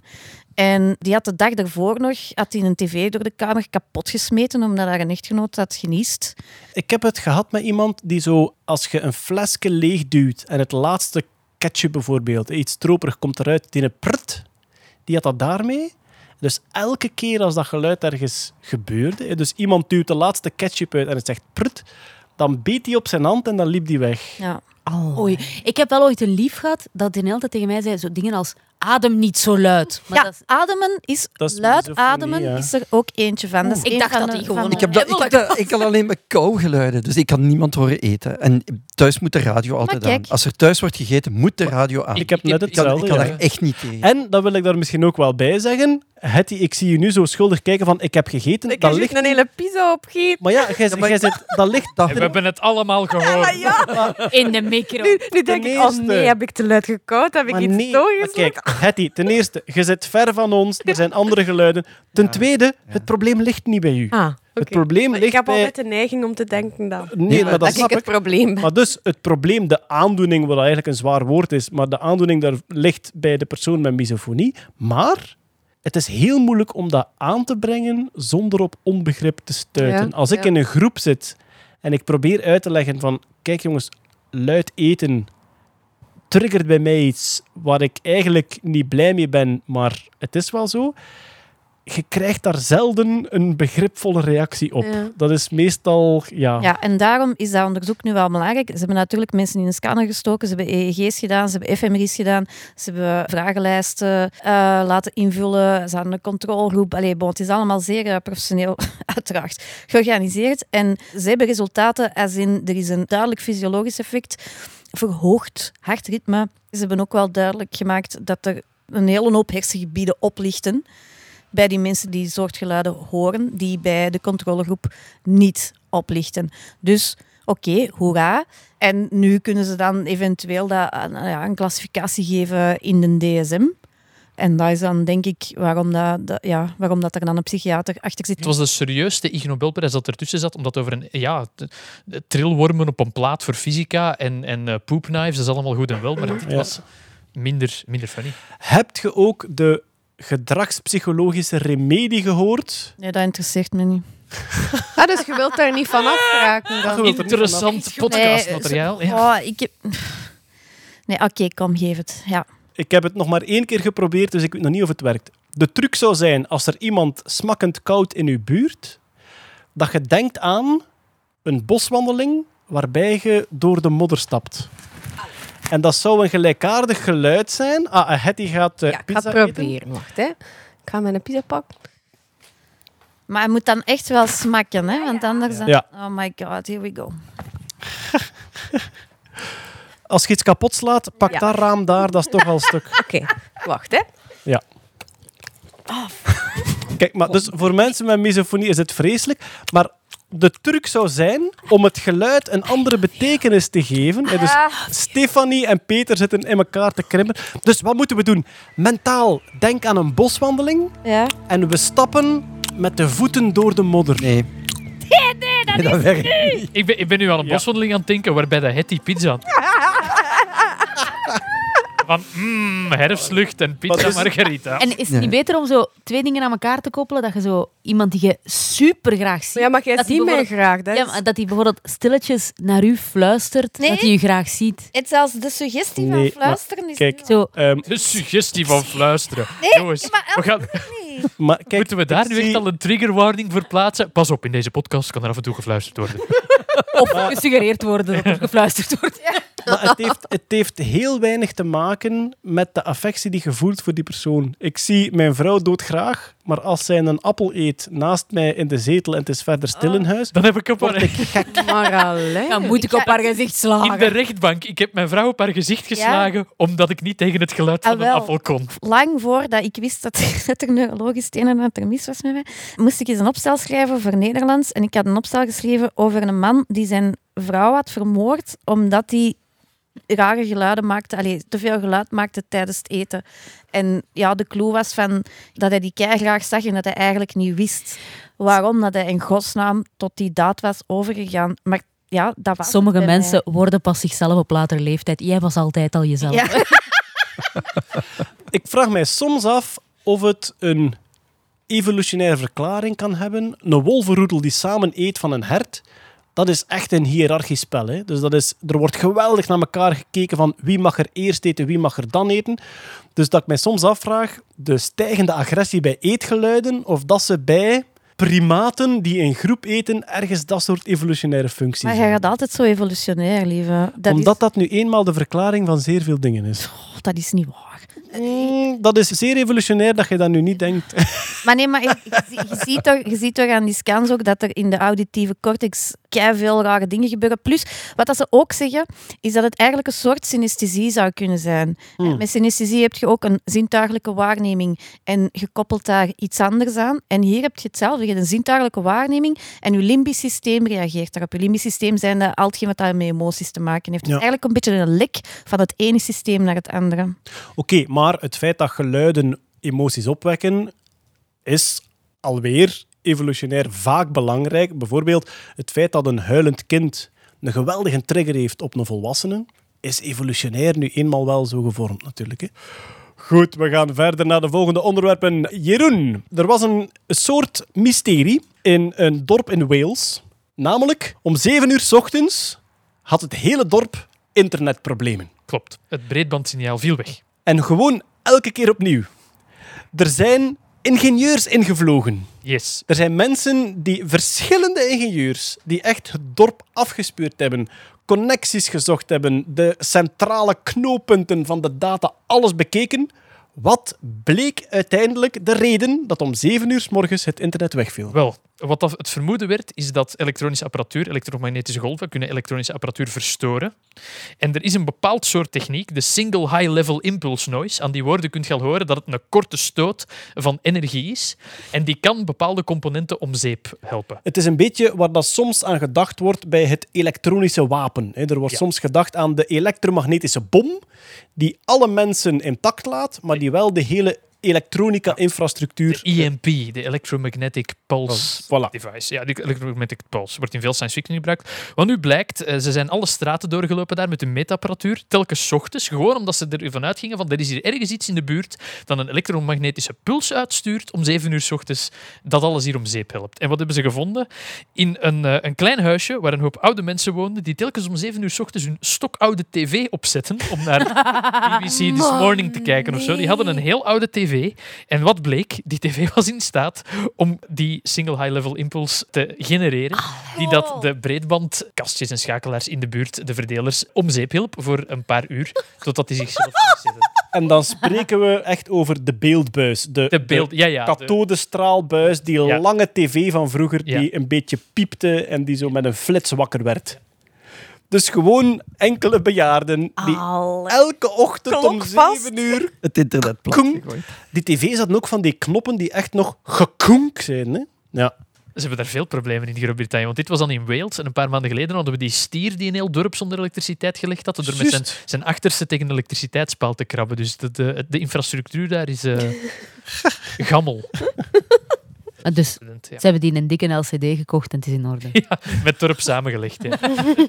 Het is ook ergens tekenend voor hoe dat het steeds kleiner worden van ons elektronica ze ook steeds gevoeliger Ja, gemaakt heeft. absoluut. En dat die oude elektronica dat dan meer ja, een beetje de dieselgeneratoren van de elektriek van toen Het waren. typische voorbeeld is, veel mensen hadden vroeger eh, problemen met hun internet omdat ze hun wifi-router op hun microgolfoven gezet hadden. Ah ja. En dan, ja, dat, dat, ja, ja Wat? sommige mensen was dat een heel logische Ah. plek op een of andere manier. Ah, waarom dat ze die daar gezet hadden? Ja? Maar weet je waarom dat ze problemen krijgen? I- eh, eh, wacht, hè, kooi van Faraday die lekt of zo? Nee. Nee. Wel, het is alweer, ik vind het een prachtig anekdotisch elektronica-verhaal. Ik, eh, ik reik het aan en jij kopt hem binnen. Voilà. Dus zoals steeds. Gouden jas 2019. Dus je hebt een gigantisch spectrum van elektromagnetische golven met allemaal andere frequenties. Die zijn door de jaren heen met de vorderende technologie verdeeld over allerlei dingen. Dat is voor de radio, dat is voor de tv, dat is voor de gsm's enzovoort. De microgolf bestond al. En dat stukje van die microgolf, niemand wou dat. Omdat dat constant gestoord wordt door de microgolf. Als de radio uitzendt op microgolffrequentie en er staan 15 microgolfovens tussen u en de radiozender, wordt dat gigantisch gestoord. Toen kwam de wifi en dachten ze, dat was eigenlijk de eerste keer dat ze heel breed voor huishoudelijk gebruik elektromagnetische golven op korte afstand gingen gebruiken. En toen dachten ze, wat is er eigenlijk nog over? Ah, dat signaal van die microgolf. Dat was het enige dat nog over was, omdat niemand het wou. Maar op korte afstand staat er normaal gezien geen microgolfoven tussen u en uw router, er... waardoor dat, dat niet gestoord werd. Maar vanaf dat je je router op je microgolfoven zet, of hij staat tussen uw telefoon en uw zendstation, dan is alles om zeep. Dus het heeft echt een hele technologische reden waarom dat die microgolf uw, uw wifi De verstoort. microgolfoven die gebruikt wordt op dat moment. Hè. Hij moet aanstaan, Hij ja. moet aanstaan, uiteraard. Ja. Wat nog dommer is, is uw router in uw microgolfoven. Ja, Maar ik vind u al een psychopaat als je me erop zet. Staan dat je er maar in staat. als je, als je op een kot woont of zo, op een klein appartement, Ja, het is rap gebeurd. Ja, ik kom nog van een tijd dat je nog niet je eigen wifi-router had op je kot. Ah, de, Ja. de, de Laat dark, staan uw eigen de dark microgolf. Ik had een microgolf. Ja, jij wel. Privilege. We gaan even verder de geschiedenis in dan de kathodestraalbuis. Peter, er was nieuws over de Romeinen. En Er is alleen maar nieuws over de Romeinen. Ja, Waarom is er altijd nieuws over de Romeinen? ja, wel, als, Ze zijn toch al lang dood? als er niets te vinden is over insecten, dan kan bij Peter, de Romeinen. Hè. kan Peter wel eens heel enthousiast worden over de Romeinen. En Ja, het, het ging nu over een archeologische Deze vondst. keer ben ik niet alleen enthousiast, want dit, is, dit was eigenlijk wel een redelijk belangrijke vondst in de archeologie. Ze hebben eigenlijk voor de eerste keer een volledig plaat harnas van de Romeinse soldaten gevonden. Dus beeld u in, de Romeinen van Asterix Obelix met die kurassen. Dat soort materiaal. Een harnas uit segmentjes. Ja, dus het heet ook, maar dat is geen officiële Romeinse term, heb ik later vernomen. Dat is iets wat in de moderne tijd is gebruikt. Dat noemen ze nu de lorica segmentata, dus in segmentjes, in stukken. Maar ik daar, In- is het zo- zoals schubben? Ik, ik probeer me er visueel iets bij voor te stellen. Is het soms... Nee, nee, het is niet als schubben. Nee, een maliënkolder is eigenlijk gewoon een hemd bestaande uit ringetjes. Ja? En dan heb je ook nog met die schubben, je hebt Ja. ook eh, van die leren hemden waar dan koperen plaatjes op werden genaaid in de vorm van schubben. Dat is het ook niet. Het zijn echt gewone grote platen over je schouders en je borst. Eigenlijk banden. Een beetje zoals, Ja, banden, ja. Een banden. beetje zoals een gordeldier. Of een beetje zoals Of een... zoals insecten. Of een pissebed, Insecten ja. zijn, hebben ook zo die segmenten Ah, allemaal. nu zijn we er. Allah. zijn we er. Ja. Insecten gelinkt. Ja, ja. Galaxy Brain Activated. Oké. Ja, een pissebed heeft ook zo van die dwarse bandjes die Ja. over elkaar schuiven. Ja, Ja, Zoals. Asterix en Obelix. Konden die dan oprollen gelijk een bolletje zo, die mannen? Nee. De Romeinen, ja. Die waren nooit bang. Het belangrijkste is, ze hebben tot nu toe hadden ze maar twee vondsten van zo'n kuras of zo'n harnas gevonden in Groot-Brittannië, maar die dingen waren onvolledig. Dus de meeste informatie die we hebben over hoe dat, dat eruit zag, komt van afbeeldingen. Mhm. Nu is dat gevonden in Duitsland, in Kalkriese. En dit is een volledig harnas. Dus nu zien ze ook hoe het vroeger allemaal aan elkaar werd gebonden. Ah. Ja, dat, daar konden ze voor een groot deel, moesten ze daar een beetje naar gokken. Dus dat zit allemaal met bronzen gespen en leren riemetjes aan elkaar. Dus het is eigenlijk het ambacht van vroeger. De stielman die zo een harnas maakt. Daar hebben ze nu een beetje van gezien hoe dat hij alle verbindingen gemaakt heeft. Ja, En ja. En waarom, is, waarom is die zo goed bewaard gebleven? Is dat een Romein die in een moeras gevallen is? Meestal heel goed bewaarde dingen. Daar is zoiets freaky mee gebeurd, waardoor van, ah ja, we hebben juist chance gehad dat die in dat soort... gl- gletsjer Ja, of veenlijk. voilà. Wel, Ja, voilà. Wel ja, goed. Ik ga even nog iets vertellen over dat harnas. Dit is ook het oudste, dus die van Groot-Brittannië, die dateren van ongeveer het einde van de eerste eeuw, begin van de tweede eeuw na Christus. Dus. En dit zou van de eerste twee decennia na Christus zijn, dus veel ouder. Wat ook maakt, de schouderplaten zitten er niet bij. Dus waar je bij Asterix en Obelix zie je dat ook, dat er altijd een paar platen over de schouders liggen. Die zijn er niet bij. Het ziet er eigenlijk een beetje uit als een kogelvrij vest van deze tijd. Ah, ja, ja. En dus nu beseffen ze ook dat ook in de militaire geschiedenis ook die harnassen ook een evolutie doormaken. Dus dat die platen daarna, want bijvoorbeeld op de zuil van Trajanus, maar dan zit je al na, in 100 na Christus, daar hebben ze die schouderplaten wel. En dit heeft het niet. Het is ook beter voor u als je moet vechten in de zon. Dan krijg je echt van die lelijke tanline. Dat je schouders, schouders bloot zijn. Wat Ja, ik, maar die vooral, mannen hebben daar wel een hemmeken onder. Ja. wat ik vooral hoor is dat Asterix en Obelix blijkbaar een redelijk historisch... eh, Correct document. Eh, ja, dat wel. Ja. Peter, Ja. Jij laat je al eens betrappen op een reenactment.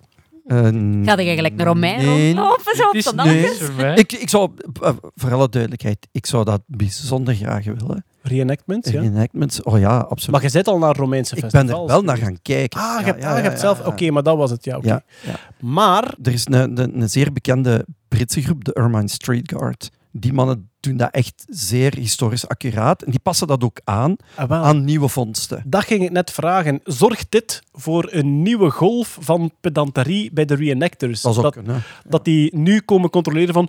Hmm, maar jouw verbindingen tussen de segmenten zijn nog niet aangepast aan de nieuwe vondsten Ja, dat, dat zou best wel eens kunnen zijn. Ja. Dat komt hier binnen goed. met schouderplaten. Zie die zo. Amai, Afgaan. de zesde eeuw is hier ook, geloof ik. Zeg, de tweede eeuw voor Christus heeft gebeld. Ze willen nu schouderplaten terug. Goed, maar de plaats waar het gevonden is, is ook wel bijzonder. Want dat is, zoals ik zei, in Kalkriezen, kort bij Osnabrück. God, ja, dat zegt nu wel niet zoveel. Maar Welk land is dat? Duitsland, Ah, ja. Duitsland. Dit heeft te maken met de slag van het Teutoburgerwoud. Er is een slag geweest in 9 na Christus, waarbij drie legioenen in Germanië in de pan zijn gehakt. Dus ah, de Romeinen door de Germanen... De Romein door de Germanen, dat heet dus de Varusslag, of de slag in het Teutoburgerwoud. Die werd vroeger op een andere plaats. Hadden ze altijd gedacht dat die op een andere plek was. Maar nu hebben ze sinds, ik denk, een jaar of 10, 12, hebben ze deze locatie gevonden. Al jaren vinden ze daar bijzonder veel munten, voorwerpen en dergelijke. En ze denken dat die slag daar ergens geweest is. Dit harnas zou erop wijzen dat het ook inderdaad wel zou kunnen. Ah, Bovendien was bij het harnas ook een soort handboeien gevonden. Dus de Romein in kwestie was waarschijnlijk krijgsgevangen. oké. Dus dat was een halsband waar uw twee handen ook aan vastzitten. Dus uw Mhm. handen werden aan uw nek gebonden. Ja. En die zou, vermoeden ze, door de Germanen zijn opgeofferd aan de goden in uniform. Wel, wel. Ja, ja. Dus eh, het is waarschijnlijk een vondst die echt van een historisch scharniermoment... Ja, ja, ja, absoluut. Ja. absoluut. Maar het, het is vooral ook, ja, hoe zal ik dat zeggen, vestimentair wel interessant. Omdat je dan ziet wat de evolutie... Want Voilà. voor, in de tijd van Keizer tot, tot een stukje bij Augustus, had je alleen maar Malia kolders. Hm. Als je de echte groei, want er zijn eh, in, in films en reeksen heel veel, wat ik dan noem, kermisromeinen. Hè. Die- Kermisromeinen, Kermisromeinen. heerlijk. de enige, vind ik, de meest accurate, die zie je in de HBO-reeks van Rome. Ah ja. Ah, ja. Die militairen die zijn eigenlijk vrij goed. Ik heb al een tijdje een... Ja, en door het hier te vernoemen kan iedereen ermee aan de haal, maar nodig mij uit, dan kan ik meespelen. Ik heb al een tijdje een idee voor een soort tv-reeks, of ik weet, ik weet niet wat. En dat is samen met experts naar films kijken.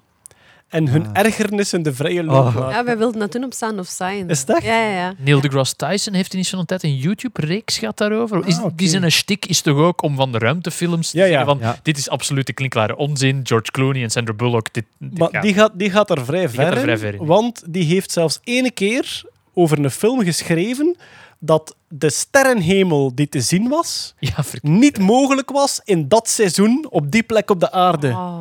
En in de remake hebben ze het aangepast. Voor hem. Maar, dus, ehm, ik had een eerste keer dat idee. Ik zat in Proefkonijnen, een Nederlands programma, zat ik met een zwaardvechter. Namelijk iemand die op dit moment met houten zwaarden Ja. de zwaardvecht-gevechtskunst uit de middeleeuwen bestudeert en reproduceert. Dus die gaan echt de boeken lezen van vroeger om te zien hoe er gevochten werd. Ja. Die was adviseur bij Game of Thrones voor de vechtfragmenten. Dat is een Nederlander. En ik heb hem toen gevraagd... Kunt jij nog naar middeleeuwse films kijken? En die zei, het is een kwelling. Nee. Omdat eigenlijk, als je weet hoe dat iemand moest staan... Voor hem, als die kijkt naar een zwaardgevecht tussen acteurs... Het is alsof twee boksers met hun handen naar beneden op 20 centimeter van elkaar staan en niets doen. Ja. Dat is eigenlijk het beeld dat hij krijgt. En toen dacht ik, als je kijkt met zwaardvecht-experts, met Romeinen-experts, met ruimtevaart-experts, altijd naar een film waarin zich dat afspeelt, het lijkt mij heerlijk om die mensen hun ergernis zo... Er is een, eh, een YouTube-kanaal van de VFX Corridor Crew, waar dat ze regelmatig met stuntmannen en martial arts specialisten naar filmscènes kijken. En ja. vaak is dat om de, de continuïteitsfouten en de, en de computergraphics-achtige fouten eruit halen. Maar dat gaat vaak om over van, kijk, deze twee Game of Thrones karakters staan tegenover elkaar, dreigend. En dat is heel vaak, ja, de regisseur wil iets overbrengen, maar daar loopt dan een specialist rond die eigenlijk ook zegt van, ja, dat zou echt niemand doen. Deze Ja. is echt Er is, ook nog een, er is ook nog een ander YouTube-kanaal waar dat ze bijvoorbeeld met dokters kijken naar, naar medische Ah, scènes. ja, En bijvoorbeeld. ik heb eh, vandaag nog eentje gezien. Dat was een vrouw van de CIA die gespecialiseerd was in vermommingen. En ze analyseert allerlei scènes waarin dat mensen zich vermommen en of dat, dat dan goed gedaan is of niet. En het, is, ja, het klinkt onnozel, maar het is echt wel super leerzaam. Ja? Ja, voilà. Het eh, YouTube-kanaal, we kijken met experts naar dingen. Ofwel maken wij het ooit, ofwel pikt iemand anders het. We hebben toch tijd genoeg. Hè? ja, voilà. Wat zouden we anders doen? Stefanie, ja. er is een eh, soort oplossing voor mensen die gewond geraken in de bergen van het Lake District. Ja. Dus we spreken over bergachtig gebied. Ja. Je kan er enkel te voet naartoe. Het zijn wandelpaden. Je kunt eigenlijk geen gemotoriseerd verkeer gebruiken. Er waren situaties waarbij het een half uur duurde voor de paramedicus van aan zijn voertuig tot bij het slachtoffer geraakte. Wat is de oplossing van de Americanio's? Jetpacks! Jetpacks Iron Man style. Ze vliegen er naartoe, ik denk in twee minuten of zo. 30 seconden! In Sounds 30 legit. Of 60, seconden. ik weet het niet meer. 30 of 60, ja. Ik heb de foto's gezien en het gaat dan dus echt over het soort jetpack waarbij dat je jetmotoren in je handen houdt en met je armbewegingen stuurt. Ja, twee in uw handen en ik denk ook nog twee op je. Toen ik het las, dacht ik, amai, maar deze is het slechtste idee ooit. Want je ziet met een slachtoffer dat dringend hulp nodig heeft en dat slecht bereikbaar is. Dus je stuurt daar iemand naartoe met een jetpack en als daar iets misgaat, ja, dan hebben we twee Daar slachtoffers. was ik ook aan het denken. Van, er is één iemand in de bergen die hulp nodig heeft. Een, een half uur later. Er zijn twee mensen in de bergen die hulp nodig hebben. Maar we gaan even voor de duidelijkheid, jij bent ambulancier geweest, Ja. dus je weet waarover dat het gaat. Ja. ja. Maar dan heb ik het filmpje bekeken en oké, bon, ze gaan echt niet zo allee, Iron Man gewijs eh, pieuw, de lucht in. Nee, het gaat zeer traag. Het gaat, allee, ze- eh, hij, hij vliegt ook maar pff, pakt anderhalve meter boven de grond of zo. Dicht bij de grond, ja. Ja, dus oké, dan ben ik al een beetje mee. Het tweede wat ik aan dacht was, ja, maar in echt heel veel van de medische interventies is er één ding wat dat echt kei belangrijk is, en dat is zuurstof. En there's no way dat ik met een zuurstoffles en een, tussen mijn jetpack... En een brandend ding. Ja, tuurlijk, dat gaat niet, hè? dat doe je niet. Het risico van zuurstof en ontploffing is dan toch... Ja, een zuurstoffles is kei ontplofbaar. Je moet, als je, zelfs als je dat gewoon laat vallen... Is het dan zoveel sneller als die maar zo kort van de grond zijn? Is het dan gewoon geen een hele, ja, zo'n een hovercraft van, van, van een al die, ja, ik weet het niet. Ik, ik, ik zie niet ja. in hoe dat, dat ik, ik dacht net dat die grote afstanden, bossen over, bergkammen over, dat daar die jetpack bij zou helpen. Maar als ze maar een beetje boven de grond, ik, ik zie het niet. Maar te voet in berggebied Mm. gaat echt traag. Hè. Qua kilometer per uur, als je aan het stijgen bent al wandelend, dat duurt een tijd. Hè.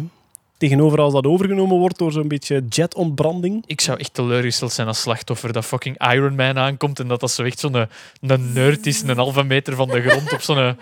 zo- Ja, Iron Man van de. Zo van, ja, oké, ja. het is goed.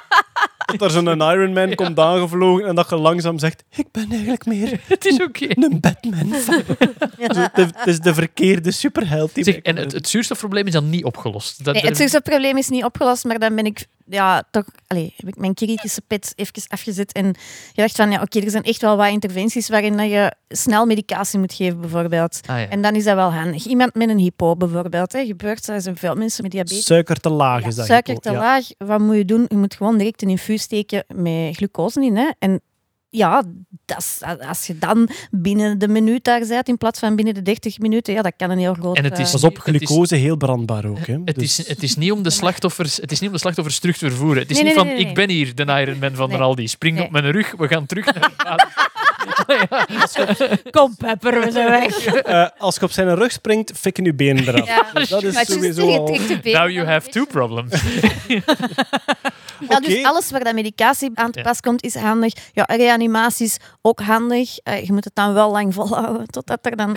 Ja, Een half uur later. Ja, voilà. Maar een half uur voor reanimatie Maar een is niet zoveel. defibrillator moet toch ook wel lukken? Ja, een defibrillator moet ook lukken. Al denk ik daar, ja, pak een AED, steek dat op Een een drone, drone, en de mensen kunnen daar ook wel mee weg. Dus ik was misschien iets wat te kritisch, want ik heb het ook nog eens gevraagd aan een eh, vriend van mij die nog altijd ziekenwagen rijdt.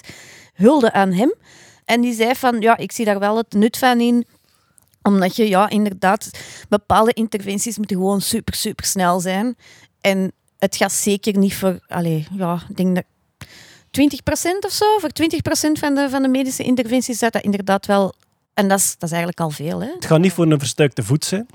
Nee, maar voor een breuk, een, een complexe breuk, ja, dan kun je met spalken gaan. En vooral, belangrijk, met pijnmedicatie. Mm. Ja. Ja. Of antigif of zo. In mijn kop is iemand gebeten door een Ah, levens- levensgevaarlijke slang. Ja, de- maar daar kan ik nog iets anders over zeggen. Ja, nee, dat antigif is niet altijd... Dat moet meestal van ergens anders komen. Dus dat komt meestal sowieso met een helikopter, als je, als je zo van die miserie voor hebt. Ja.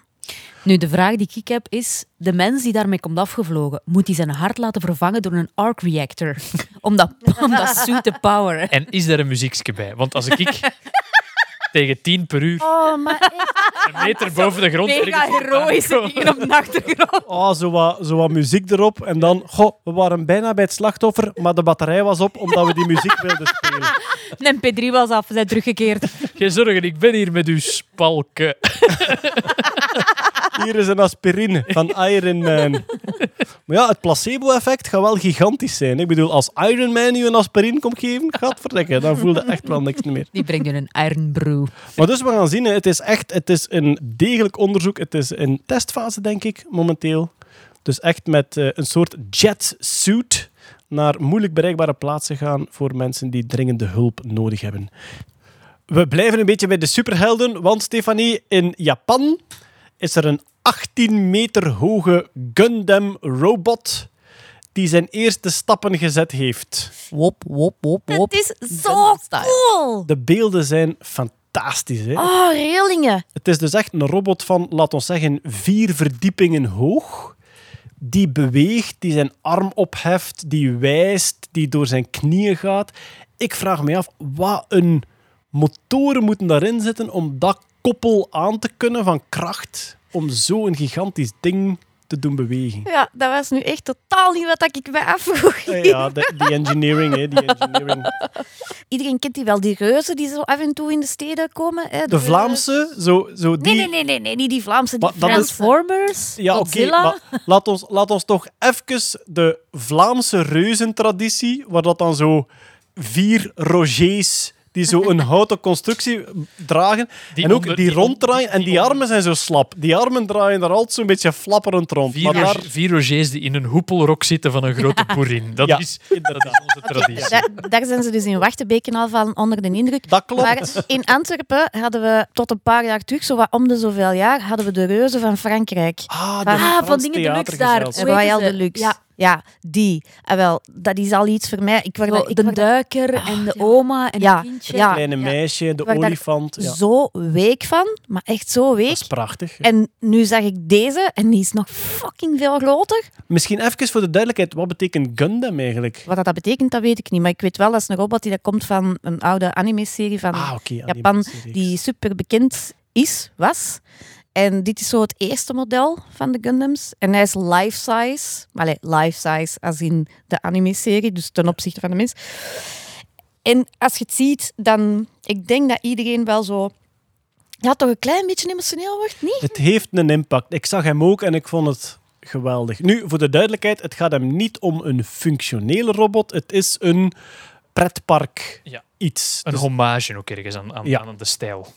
Dus eigenlijk animatronics, zou je kunnen zeggen. Ja, het is een animatronic en er komt ook een, een soort pretpark achter. eh, de- wat dat waarschijnlijk wel veel minder interessant is. geontwikkeld een robot ja, en dan Ik had, ik, had het, een ik had het nieuws. Ja. gedeeld en Joost van de Kastelen, enorm grappige man, eh, zoek hem op, die antwoordt het ding bezocht, maar ik mocht er niet onder staan, want de vloer was te glad wegens motregen. Zo, zo spreekt Joost van de Kastelen. dus ze kunnen wel robotten doen bewegen, maar nog geen dweil uitgevonden. Ze kunnen wel Ja, robotten doen bewegen, maar een dweil Salat finde, was er dan weer te veel aan. Oké, knip mijn stuk, monteer dat erin. Ja. Ik Dat vind was dat zo. zeer grappig dat Joost daar gestaan heeft. Dus je kunt hem al bezoeken en inderdaad. Ah, Joost is daar echt Joost, is er- geweest. Joost had blijkbaar voor hij zijn laatste boek Jungle afschreef, wou wij in een apocalyptisch land terechtkomen om de sfeer op te doen. En dan is onder een gigantische robot in Japan gaan staan wel een gevoel dat u ja, kan inspireren, artistiek gewijs. Ja, we kunnen er nog over babbelen, zoveel, we willen. Het is het beeld dat het hem doet. Dus ga gewoon naar Maandoverzicht.nerdland.be. maandoverzicht.nerdland.be, daar zetten we het beeld op. Naar geen 18 meter enkele. URL surfen die Lieve zegt, want het is Nee, altijd eh, verkeerd. eh, inderdaad. Eh, exhamster.nl. Sorry. Ja, nu we toch een beetje in het fandom en in de geeky fictie zitten. Patrick Stewart, Captain Picard, die heeft ergens laten vallen in een interview. Zeg, een Star Wars en Star Trek crossover. Hoe cool zou dat zijn? En ik neem aan... Wel ja, ik neem aan dat de helft van de fans dacht... Wat? Heiligschennis, wij met die losers van Star vul zelf in wat de andere kant van uw gimmick is. En eh, ja, ook heel veel mensen die dachten van... Wauw, Patrick Stewart zegt het, dus dit moet gebeuren. Ja. Wat is uw gevoel, Stefanie? Mijn gevoel is dat dat eerder een brain fart was van Sir Patrick Stewart. Jij bent een trekkie, hè? Ik ben absoluut een trickje. En heb jij dan een Star Wars aversie? Of Nee. gewoon van, het is oké, maar Nee. het is niet Star Trek? Het- Wat hij zelf in dat interview zegt, en het is trouwens een dubbel interview met... allee, hoe heet hij nu weer? Eh die kerel van Star Wars. Die kerel van Star Wars. Ik weet, niet, ik, weet niet, ik, weet niet hoe dat in jullie fandom zit, maar we hebben meer dan één kerel. Luke, Sam... Wij niet, ja, nee. Mark Luke Hamill, Skywalker. die kerel die Ah, Luke Skywalker Mark Hamill, ja. Want ze hebben samen een reclamespot gemaakt voor Uber Eats. Dus de meest Oké. vreemde Oh, reclamespot. alles gaat ten onder. Heel onze cultuur gaat ten onder aan reclame. Nooit je helden bezig zien in reclamespot. Ja. Ja, het is zeer vreemd. Maar het is dus een dubbel interview en hij zegt het zeer goed, zoals ik ook al heb gezegd. Star Trek is science fiction, Star Wars is fantasy of space opera of whatever. Dus die twee genres bij elkaar, ja, ik zie het niet gebeuren. Maar als het zou gebeuren, dan gebeurt het in Star Trek en dan komen er een paar personages van Star Wars ergens toevallig binnen en dan kunnen we er nog wel iets van maken. Maar omgekeerd, overminded body, hè. Oké, Trek jullie, krijgt. Jar Jar Binks. Die, Oh. die kleine pinguïnachtige porgbeesten, die krijgt ook. Ah, die zijn nog wel leuk, ja, die wil ik wel. Ofwel doen we gewoon een beetje Star Wars op de holodeck. En zeggen ze, kom, we gaan Ah, ons inleven in die compleet ongeloofwaardige andere ruimtereeks. Problem solved. Tuurlijk, de holodeck. Let's do holodeck. spaghetti bolognese en jullie zitten erop aan het kakken. Ik kan het niet zien. Ik wil zelfs niet denken aan de mogelijkheid. Goed, dan is het nu wel stilletjes aan tijd voor...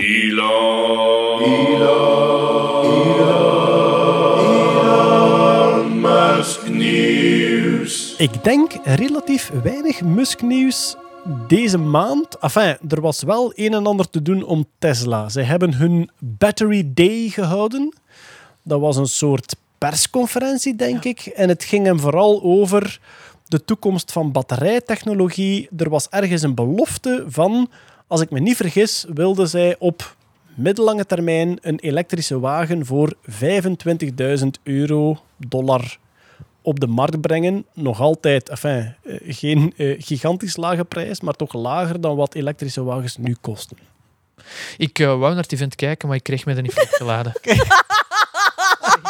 ik kreeg het niet bij elkaar geschraapt om nog eens... Ik had, Oh, we hadden de Neuralink al gehad vorige maand. Ik denk van, dat is genoeg muskie dat eh, voor een jaar ga je hebt kan altijd- anderhalf uur moeten wachten om die mop te maken.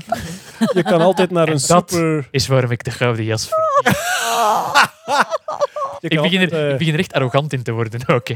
Nee, maar je hebt hem niet aan. Dat ik heb is hem niet aan. Nee, dat is Ik waar. vind, ik vind eigenlijk dat je, sinds dat je de gouden jas gewonnen hebt en ook gekregen hebt, fysiek...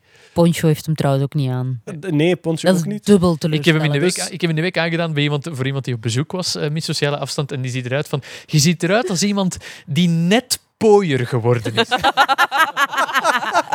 Ah wel, dat is toch heel de bedoeling? Hij, hij is nog aan het Ik leren. weet niet of dat er een positieve vibe is. Dat is alsof ik zo door de hoed moet lopen en nog leren hoe dat ik...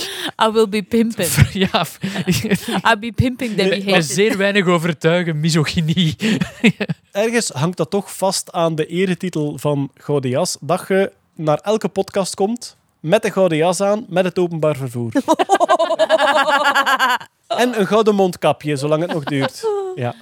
Gouden mondkapje. Ik ga mijn mama vragen. Maar dus ja, er, er werden dingen beloofd op dat event, maar ik had van teleurgestelde mensen in onze Discord gelezen dat de beloftes toch niet helemaal werden ingelost en ze wat werden bijgesteld. In zin Mo. Ja, bon, het grote project van Musk, dat er één van. Hè. Dus, maar bij het de grote project van Musk is zijn ego, maar goed. Ja, bij de elektrische wagens heeft hij al een paar jaar terug heeft hij eens een tweet gestuurd.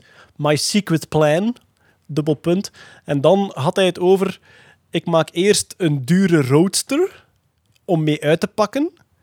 Met het geld dat ik daarmee verdien, maak ik een betaalbaarder wagen. Daarmee nog een betaalbaarder wagen, om uiteindelijk een elektrische wagen te ontwikkelen die gewoon ja, de prijs van de goedkope benzinewagen heeft. Hij is daar nog niet, maar hij, hij zegt nu, blijkbaar ligt de grote kost toch nog altijd in het produceren van die batterij. En dus op die Battery Day kondigde hij ergens aan van, we willen die kost van batterijproductie zodanig naar beneden halen dat een wagen op termijn, elektrische wagen op termijn, even goedkoop wordt als de goedkope benzinewagens die je vandaag hebt. Hij is daar nog lang niet, maar het is een soort plan. Alleen dat optimisme heeft niet zo lang geduurd, want ik denk zelfs de dag erna was er een gigantische network outage. Het Tesla-netwerk is compleet uitgevallen. Ik heb er zelf niks van gemerkt. Hè. Dus ja, we rijden met een Model 3 hier. Nu, we zitten niet in Noord-Amerika en ik rijd daar ook maar om de drie dagen mee. Maar blijkbaar was er een moment dat het complete netwerk, die, ja, die auto is geweldig online, die connecteert constant met servers en gelijk wat. Tof. Ja, en blijkbaar was dat eh, stilgevallen. Nu, voor zover het mij beloofd is, Jeroen, zou die wagen ook perfect offline werken. Dus als Ja. alles uitvalt, Ja. kan ik daar ook mee rijden. Dat Dat ding- is stuur blokkeert. Dat, dat, ja. dat ding belt constant naar huis en als het thuis niet opneemt, mocht je ermee blijven rijden. Oh, wat, een, wat een prikje. ja, voilà. en zelfs dan rijdt hij nog beter dan een andere wagen. Oké, oké. Maar het had wel effect op de Tesla-aandelen. En dan denk ik bij mezelf, dat is de niet-geeky kant van het verhaal. Dus dat trek ik mij weinig aan. De Dat zijn beurs. ja. Imaginaire cijfers die afgeleid zijn van andere imaginaire cijfers die afgeleid zijn van imaginaire cijfers, die gaan op en neer. En, Hoe en- is het nog en- met de bitcoin? En Geert, Geert, Geert Noels wordt er happy van. Dat is, dat is Wel, maar-. Els, dat was nu exact wat er in mijn hoofd zat. Ik weet niet hoe het nu zit, maar Bitcoin, 9000, 10.000 dollar. Ja, maar ja. Holding, holding steady. maar Bitcoin was een tijdje zo hot onder amateurbeleggers. Ja. Dat elke keer als ik ergens in, in een soort sociaal gezelschap kwam, dus één keer per jaar ongeveer, ehm, kwamen er mensen naar mij van: Zeg, jij bent nogal zo in die dingen. Zeg, Bitcoin, hoe werkt dat nu juist? En we hebben daar Ja, een ja. Moel de Geek podcast Ik heb over het aan, aan, opgenomen. aan Kobe Ilsen ook gaan uitleggen op de radio. In, in Voilà. daytime radio even eh, beginnen over blockchains. Dat was het. Dus Eh, en je ik- vergeet de inspecteur op de Radio inspecteur 2. op Radio 1. Daar heb ik Ah, met een voilà. beste Radio uitleg 2, gedaan. Radio Radio 2. Ja, Daar heb ik met een beste uitleg gedaan. Is, eh, Maar dus telkens kwamen er mensen naar mij van hoe werkt dat nu juist, die bitcoin? En ik begon altijd de heel enthousiaste uitleg over blockchain en dat berekenen van die hashes. en die- gezamenlijk logboek. Ja, voilà. En dat, ja, nee, nee, maar moet ik daar nu in investeren of niet? En dan denk ik van, sorry, maar dat is nu het aspect dat mij eigenlijk helemaal niet interesseert. Dus bon, hier een beetje hetzelfde bij de Tesla-dingen. Daarmee is het qua Musk zo'n beetje gezegd, denk ik. Buiten een beetje gereutel over COVID-vaccins. Ja, er, eh, fear, uncertainty en doubt over of hij het wel niet gaat pakken of zo. Musk heeft nog wel... Er was een perfecte tweet deze maand. Musk heeft op een bepaald moment getweet waarom kunnen we dingen niet beter voorspellen? En iemand had die een tweet van Musk gepakt en daarnaast een tweet gezet waarin hij in maart zegt tegen het einde van april hebben we geen COVID-gevallen meer. en dat is Musk in een notendop voor mij. Ja, maar hij had iets gezegd over het vaccin van ik hoef het niet te krijgen en mijn kinderen ook niet, want wij zitten niet in de risicogroep. Ik denk dat hij ergens dan misvat Ik hoe denk het dat hij iets gemist heeft de voorbije maanden. Toondoof. Is dat het woord toondoof? Misschien wel. Hoe dat je toch u als persoon die niet, die geen persoonlijk overlijdend risico heeft, of zeer laag, je bent nog altijd een schakel in het verspreiden. Hè. Ik bedoel, Voilà. als je Hoe het oud is hij eigenlijk? Musk begint de 40, denk ik. Mentaal. Mentaal 3000 jaar oud. Nee, ik denk begin de 40, want een paar jaar terug was er een soort verjaardagstaart voor hem. 40 years in the simulation was een verjaardagstaart voor hem. Dus ik denk dat hij 43, 44 is. Hij Zoiets. heeft ook zitten afgeven op Bernie Sanders en het concept van overheidssteun, wat dat als Tesla redelijk een beetje hypocriet is, want Tesla heeft ook zeer veel overheidsinjecties Ah, gekregen. Dus eh, ja, Musk niet consequent. Laat ons het... Echt waar? Niet consequent, mijn- wel geniaal. Beetje de John McAfee van de auto-industrie. ik wil een lans breken om in deze rubriek te stoppen over John McAfee. Want hij is teleurstelling na teleurstelling na teleurstelling. In het begin was hij amusant, in het begin was hij entertainend, maar nu doet hij gewoon elke maand een stunt om in de, de spotlights te komen en we laten er ons aan vangen. Beste luisteraars, hier volgt een mededeling vanuit de montagekamer. Hallo, Jeroen hier vanuit de montage. Onze woorden waren op 3 oktober nog niet koud of de volgende dag werd John McAfee gearresteerd in een Spaanse luchthaven omdat hij officieel in de VS gezocht wordt voor eh, frauduleuze toestanden. Hij zou 23 miljoen dollar hebben opgestreken met verschillende cryptocurrency schema's en die niet aangegeven hebben bij vadertje staat. Dus ja, toen ik zei John McAfee, doe iets anders dan publiciteitsstunts om in het nieuws te raken, bedoelde ik niet noodzakelijk wordt opgepakt, maar ja, ongetwijfeld vervolgd. Einde bericht. Hij Ja. doet dat Tanga. speciaal Ja. om in deze rubriek Ja. terug te komen. En ik denk Ja, wacht, er was even een vraag van mensen om John McAfee te duiden. Ah ja, Wij gaan er al lang over door. John McAfee, grondlegger van Die heet, McAfee. niet, McAfee, ja, die ja. heet niet per ongeluk hetzelfde als uw eh, virus eh, Antivirus, software. Ja. Eh, Ma- McAfee antivirus geschreven, is, is daar een beetje rijk mee geworden en is daarna batshit crazy gegaan. In de zin van, die is naar Belize verhuisd, heeft daar een lokale community opgekocht, zichzelf opgeworpen als dictator, is daar beschuldigd geweest van moord, is vervolgens terug naar Amerika gereisd, presidentiële verkiezingen meegedaan, de vorige, heeft ondertussen ook cryptocurrency, dat is helemaal zijn ding, is zo paranoïde als iets. Hij is zot op, Wel, om eh, het even op, te eh, duiden. op zwarte vrouwen. Hij is eh, seksueel zeer actief en open. Het is echt een man van extremen. De laatste jaren vaart hij rond op een privéjacht, zwaar bewapend, Ja. door internationale wateren. En hij houdt zijn Skype-gesprekken vanuit een kooi van Faraday. Ja, We vermoeden een toxoplasmose. zou, zou best kunnen. En Jeroen, ik denk dat jij het nog best omschreven hebt. Ik heb het zelfs gepikt van u in Dit Was Het Nieuws, het programma op de Nederlandse tv. Ik stuur de factuur. Eh, libertaire koortsdroom. Ja, dat is echt een libertaire koortsdroom. Walking. Ja. Dat was eigenlijk de, de omschrijving en dat vat het ongeveer wel. Hij Maar wou, dus- ik heb met zijn vrouw gemaild, want hij zegt van als je een podcast hebt, ik wil er wel op komen lullen. En dan heb ik met zijn vrouw gemaild over wat dat de voorwaarden waren. En John zou een half uur onafgebroken aan het woord moeten kunnen zijn. En we moeten het er kunnen uitknippen dat hij het apart kan delen. En dan heb ik gezegd, nee dank je, John McAfee. Allee, vrouw van John McAfee. dans, dat zou... Nee. Nee, nee, Nee. Dat, dan zit Maar je, dus- dan, vandaar dat ik ook een kleine oproep wil doen van we, we kunnen ermee lachen, John McAfee, maar nu is hem het echt wel aan het uithangen en hij moet meer zijn best doen om terug zijn plaats in dit stuk te verdienen. Dus ik. voilà, hij is iets te veel op zoek naar Ja. aandacht van de Hij moet- hij Nerdland moet eerst terug podcast. iets bijdragen. Voilà. Elke ochtend wordt hij wakker en denkt hij, hoe kan ik in het Musk-nieuws van de Nerdland podcast komen? En we gaan er ons niet aan laten vangen, Echt. wat we nu wel gedaan hebben. Nee, Doe me nee. Maar die ze- vrouw heeft natuurlijk gezegd, die hebben mij gemaild en die hebben nu toch niet teruggemaild. Misschien moet een beetje beter hij mag terugkomen als hem aan die peniskwestie begint, want dat heeft hem ook van zich af zitten schuiven. Dan praat ik er terug over, maar tot dan is er hier een moratorium op John McAfee. Hij ging zijn piemel opeten als de bitcoin tegen december dit van dit jaar. Tegen december ja. van dit jaar, dat is al een paar jaar opgeschoven, boven de 1 miljoen stond. Of voor wel, wat wat, wat hij blijft de goalpost verschuiven. Dus bij deze, John McAfee, als je luistert, if you're listening, um, do, your, do, your, do your best a bit more, and then we will talk Eat about at you. least the tip and then we Yes. talk further. Oh, nee. Then we will talk about you again. But from now you are banned from Musk and the Gorillas. Musk and the Gorillas, trouwens, een geweldige naam voor een jazzband. Maar goed, Eigenlijk is er toch nog Musk-nieuws, want er wordt een nieuwe Crew Dragon gelanceerd. Ah, ja, Er, er is een nieuwe bemande missie van ja, SpaceX dan. En die zou 31 oktober zijn, gepland. Die dingen zijn zeer afhankelijk van verschuivingen enzovoort. Maar dus het zou kunnen dat er op 31 oktober opnieuw een Crew Dragon gelanceerd wordt. als Ik- dat gebeurt, dan zouden we wel eens samen durven kijken op discord.nerdland.be. Maar Ja. het gaat niet... De originele was met Dog en Bob. Het gaat niet... Ja. Het, gaat, het nieuw gaat er een beetje vanaf zijn. Dat is zo. Nu, ik moet wel zeggen, het is de eerste officiële missie, want de vorige was zogezegd een Test, testflight. Ah, kijk eens aan. Oké. Dus het zou eigenlijk de eerste officiële lancering zijn, commerciële lancering. Op de Discord, ik zou zeggen, ja, hou onze sociale media in de gaten. Daarop wordt wel gemeld wanneer we kijken. Nodig ook uw kinderen uit, dan leren ze meteen wat dat buttplugs zijn. Ik herhaal nogmaals, Discord, je moet ouder zijn dan 13 jaar. En als we weten dat je jonger bent dan 13 jaar, moet ik je ervan afsmijten. Ik heb al heel veel teleurgestelde 12-jarigen moeten zeggen, kom volgend jaar een keer terug. Maar het moet. Terms services. Oké, eh, kort Musk-nieuws deze keer. We gaan nog een paar dingetjes oprakelen. Coronanieuws. Het is toch wel knap dat we erin slagen om het coronanieuws op te schuiven tot na het Musk-nieuws. Dat is ook de eerste keer sinds 15 maart, denk ik, dat ons dat gelukt is. Nu heb je Els gepoept voor de montage, want als dat beter uitkomt ervoor... Ah ja, oké, dan knipt ze ook dit ervan af. Ja. Je onderschat de almacht van de En nu, corona-nieuws.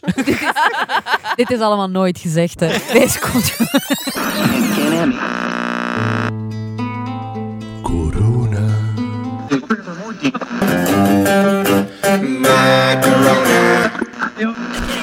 Corona, corona, corona.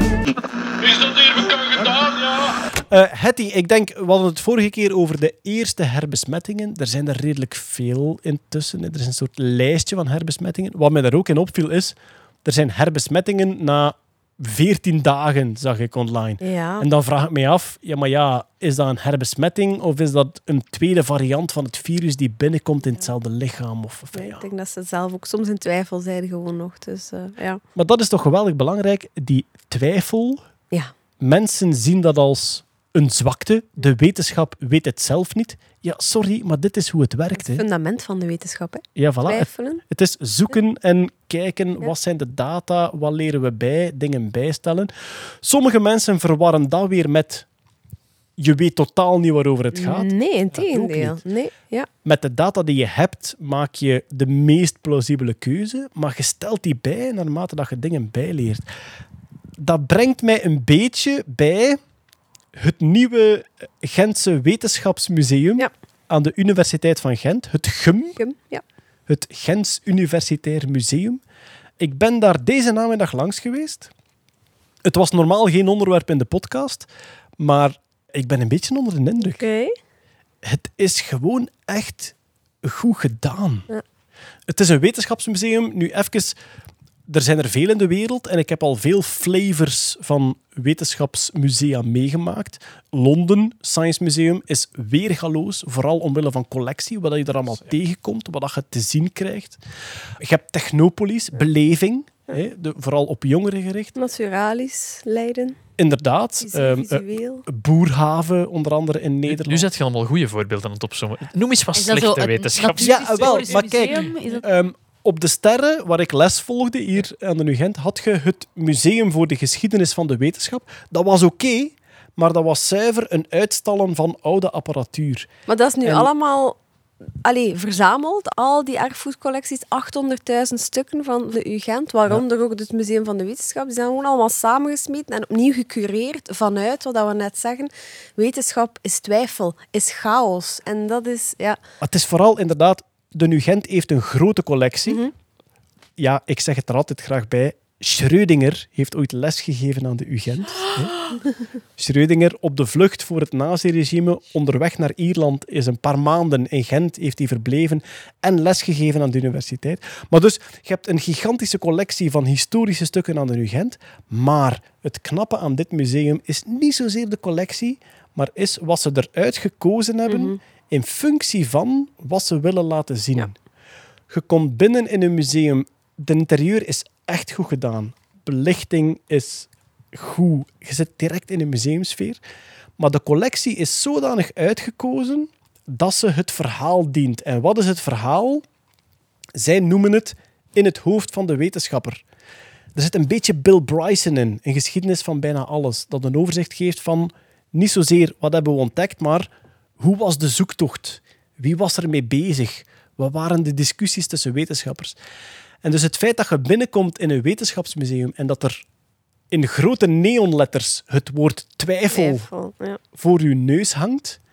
En op die tafel uitgestald staan ook allemaal stukken die illustreren. Wetenschappers zijn zoekend. Ze hebben modellen, ze hebben kennis, ze leggen dat naast elkaar, ze vergelijken, ze hebben een hypothese die ze testen. En misschien een paar jaar later stellen ze dat weer bij. Maar ik vind het echt knap gedaan. Ik vind dat het Wetenschapsmuseum van Gent nu, voor mij, als ik het naast Technopolis Science Museum in Londen, Natuurhistorisch in Brussel, het voegt een nieuwe flavor toe aan wetenschapsbeleving. Je kunt daar echt rondlopen en u verwonderen over dingen. Er worden filosofische vragen gesteld. Er wordt artistiek omgegaan met de esthetiek van wetenschapsmodellen en toestellen. En ze trappen nergens in de val van... Ik heb al veel exposities gezien die gingen over wetenschap als onderwerp voor een artistieke tentoonstelling. En met pijn in het hart moet ik het toch zeggen, ze vallen vaak door de mand. Heel vaak als kunstenaars niet beslagen genoeg zijn in de wetenschap en ze willen wetenschap als thema nemen, wordt het ergens te luchtig of ze nemen een te grote sprong of ze maken claims die niet juist zijn. En je hebt zo het gevoel van, ja, je gebruikt het als vorm, de wetenschap, maar het slaat nergens op. En dat heb je nergens in dit museum. Dus bon, ik ben nu al veel te lang te enthousiast geweest. Mensen gaan denken dat ze sponsoren. Dat is niet zo. Nee. Het Gentse Wetenschapsmuseum is echt een aanrader. Het is Ik open was, van eh, vandaag, hè? 3 oktober. Inderdaad, van 3 oktober open. En eh, de hele maand nu hebben ze de openingsmaand. Ja. En daarna zijn ze... Ze mogen wel sponsoren. Ze mogen sponsoren. Misschien moeten, we dat eens, er, ja, misschien moeten we dat erbij zeggen. Als ze sponsoren, doe ik deze uitleg nog eens. Podcast.nerdland.be. luistert. Eh, maar even, moet je reserveren voor coronamaatregelen om Ja, naar het museum te sowieso. gaan? Oké, ja, dat is misschien Sowieso, wel belangrijk om er even bij te zeggen. Voilà. Maar als je opzoekt, eh, ja, GUM heet het. Als je opzoekt GUM, Universiteit Gent Museum, dan kom je er sowieso op terecht en dan, eh, dan ga je dat wel vinden. Maar het is echt een, ja, het is een beleving. En ik ga nu stoppen, want ik kan het niet onder woorden brengen en ik probeer het te vaak. Zie je het? Je bent hier echt geëmotioneerd van. Ja, het is, ik was onder de indruk, maar ik ga zwijgen nu. Ja. Iedereen die ik ken die daar al is geweest, heeft mij al een foto gestuurd van het filmpje met Hetty. Kijk wie wij zijn tegengekomen Maar- in het gum. Dat is het mooie. Hetty is een museumstuk. Ze hebben dus thema's.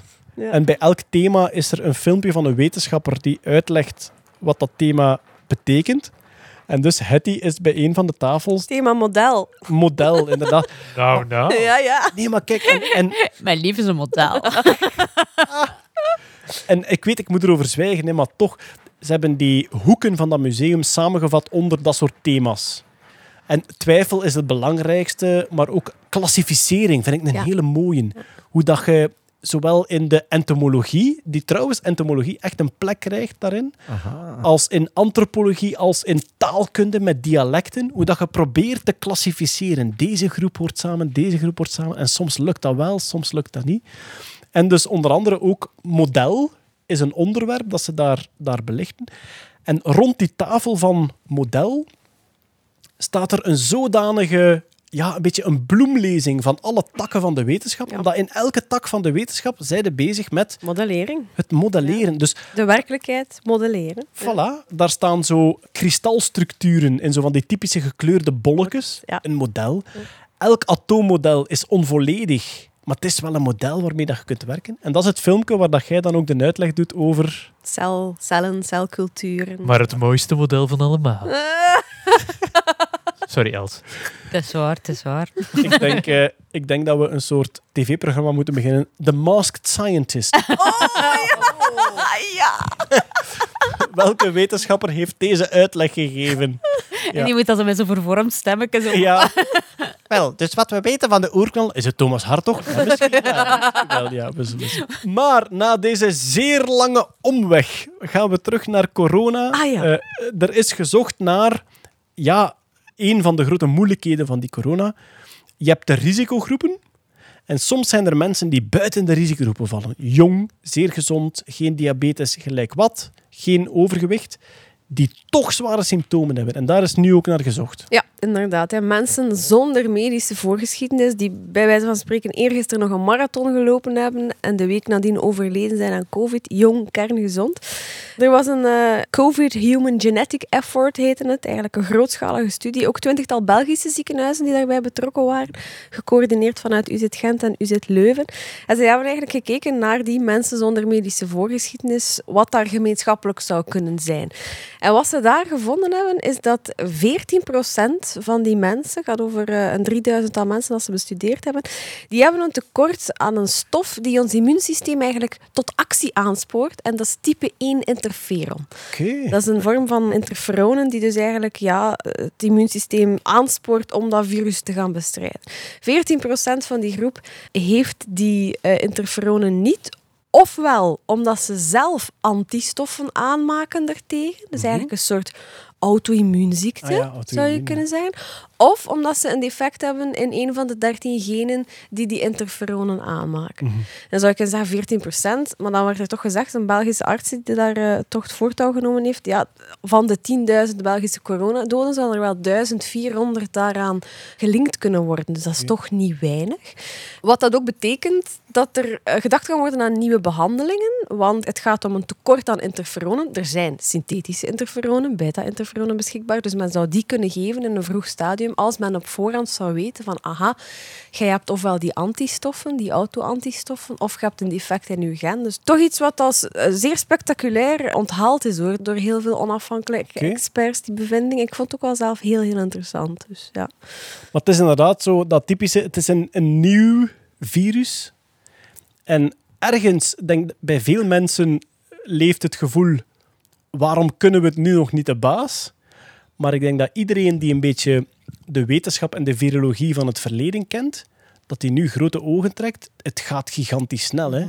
Ook omdat de noodzaak er is. Ja, voilà. Maar aan dit tempo bijleren over een virus, dat heeft onze Dat generatie is nog- ongezien. Dat is ongezien, ja. ja. zelfs bij HIV niet. Allee, dat is, Ja, voilà, inderdaad. Ja. Oké. Ja. Er was ook een corona-app, Jeroen. De corona-app Ja. waar al lang sprake van was. De bedoeling is, als je een kwartier samen geweest bent met iemand die daarna een positieve diagnose krijgt op eh, corona, dan zou je een melding moeten krijgen, laat u misschien toch maar testen. Daar is al lang sprake van, van corona-apps in verschillende landen. En er is een verschil te maken tussen in Israël en in China zeggen ze van oké, vanaf nu gaat iedereen zijn GPS aan, wij gaan je volgen, we bellen nu. geen discussie, geen overleg. En in, in België zijn gelukkig, en, en nog in andere landen van Europa, zijn er gelukkig een hoop wetenschappers opgesprongen om een protocol te ontwikkelen om dat veilig en anoniem te kunnen doen. Wat bedoel ik met anoniem? Dat er geen centrale databank is van waar iedereen is op welk moment om te kunnen controleren, zijn er geen te dicht bij elkaar. Ja. Waar wij voor gegaan zijn, is het DP3T-protocol. Dat werkt via Bluetooth, dus elke gsm heeft een Bluetooth-verbinding. En je zit eigenlijk, als je die app geïnstalleerd hebt, zit je constant random codes uit te roepen. 2386 FG. Daar roep ik uit. Dus, maar dus elke gebruiker van die app krijgt een unieke code. Genereert regelmatig unieke codes. Ah, die Ja, worden vervangen. Die worden zelfs. ververst. Net om het terug te leiden tot een identiteit moeilijker te maken. En die telefoon roept dat rond, Die telefoon roept dat de hele tijd rond. En maar een Bluetooth-verbinding heeft maar een beperkt bereik. heeft ook. maar een beperkt bereik. Er zijn onderzoeken naar gedaan. Tussen 1,5 en 3 meter kunnen ze redelijk hard de signaalsterkte van Bluetooth correleren met de afstand waarin je je bevindt. Dus als je al die dingen weet, kan je zeggen, elke gsm houdt bij wat heb ik op een dag gehoord en hoe lang. En als later blijkt via een procedure dat één van die mensen geïnfecteerd is, dan kan die zijn codes die hij de laatste 14 dagen gebruikt heeft, de gsm heeft die bijgehouden, kan die die uploaden naar een server en worden alle andere telefoons verwittigd met als jij de laatste dagen 4B7389-2F gezien hebt, voor langer dan 15 minuten op die afstand, dan is het aangeraden om je ook te laten testen. Dat is in het heel kort de uitleg. En eh, Bart Preneel van eh, EZAT heeft daaraan meegewerkt. Bart Preneel is a god living among men, als het op cryptografie aankomt. En ik, ben, ik zit zelf bij de Ministry of Privacy. Als het over privacy gaat, dat ligt mij heel nauw aan het hart. Maar als Bart van, eh, Bart van Peer, ik wel, als Bart Preneel zich ergens achter zet met zijn credentials, die heeft daarmee ontwikkeld, het protocol, dan kan je er wel van op aan. Dit is de, ik, het is een aanvulling op bestaande contact tracing technieken. Het is geen oplossing voor het virus. Het gaat niet alles opeens weghalen, maar Het is het is geen vaccin. hè. Nee, het is een toevoeging om te kunnen contact tracen. En Hebben ik heb, jullie hem al? Ik heb hem geïnstalleerd, ja. Ik heb hem ook staan. ja. Corona Ja. Alert, ja. Even, Ministry of Privacy, ik heb het vorige maand ook Ja, ehm, Wat doen jullie precies? Wij zijn een verzameling van mensen. Dat komt uit de technische kant, dat komt uit de legale kant. En wij houden privacy kwesties in het land in de gaten. Dat is eigenlijk een beetje begonnen met de vingerafdrukken. Matthias Dobbelaere Welvaart heeft daar Ja. zich hard tegen verzet. Er loopt momenteel een De vingerafdrukken op de, De vingerafdrukken identiteitskaart. op de identiteitskaart, ja, dat is buitenproportioneel, vinden wij. Dat is niet nodig. Pieter de Krem heeft nooit cijfers van uitgegeven van wat er daar precies mee wordt tegengegaan. En wij zijn eh, een collecte mensen. Wat is de belangrijkste bezorgdheid voor privacy? Welke misbruiken? De misbruiken zijn dat bepaalde dingen die nu onschuldig lijken, data bewaren is heel gemakkelijk en heel eenvoudig tegenwoordig. Data stelen is heel gemakkelijk en heel eenvoudig tegenwoordig. En een massieve hoeveelheid data bijhouden voor onbepaalde tijd. Nu is dat misschien niet een probleem, maar als we hier over 40, 50 jaar met een andere regering, een ander klimaat, een ander soort maatschappij rondlopen, dan willen wij niet dat er nog data die wij niet hebben ja, geautoriseerd vrijgegeven.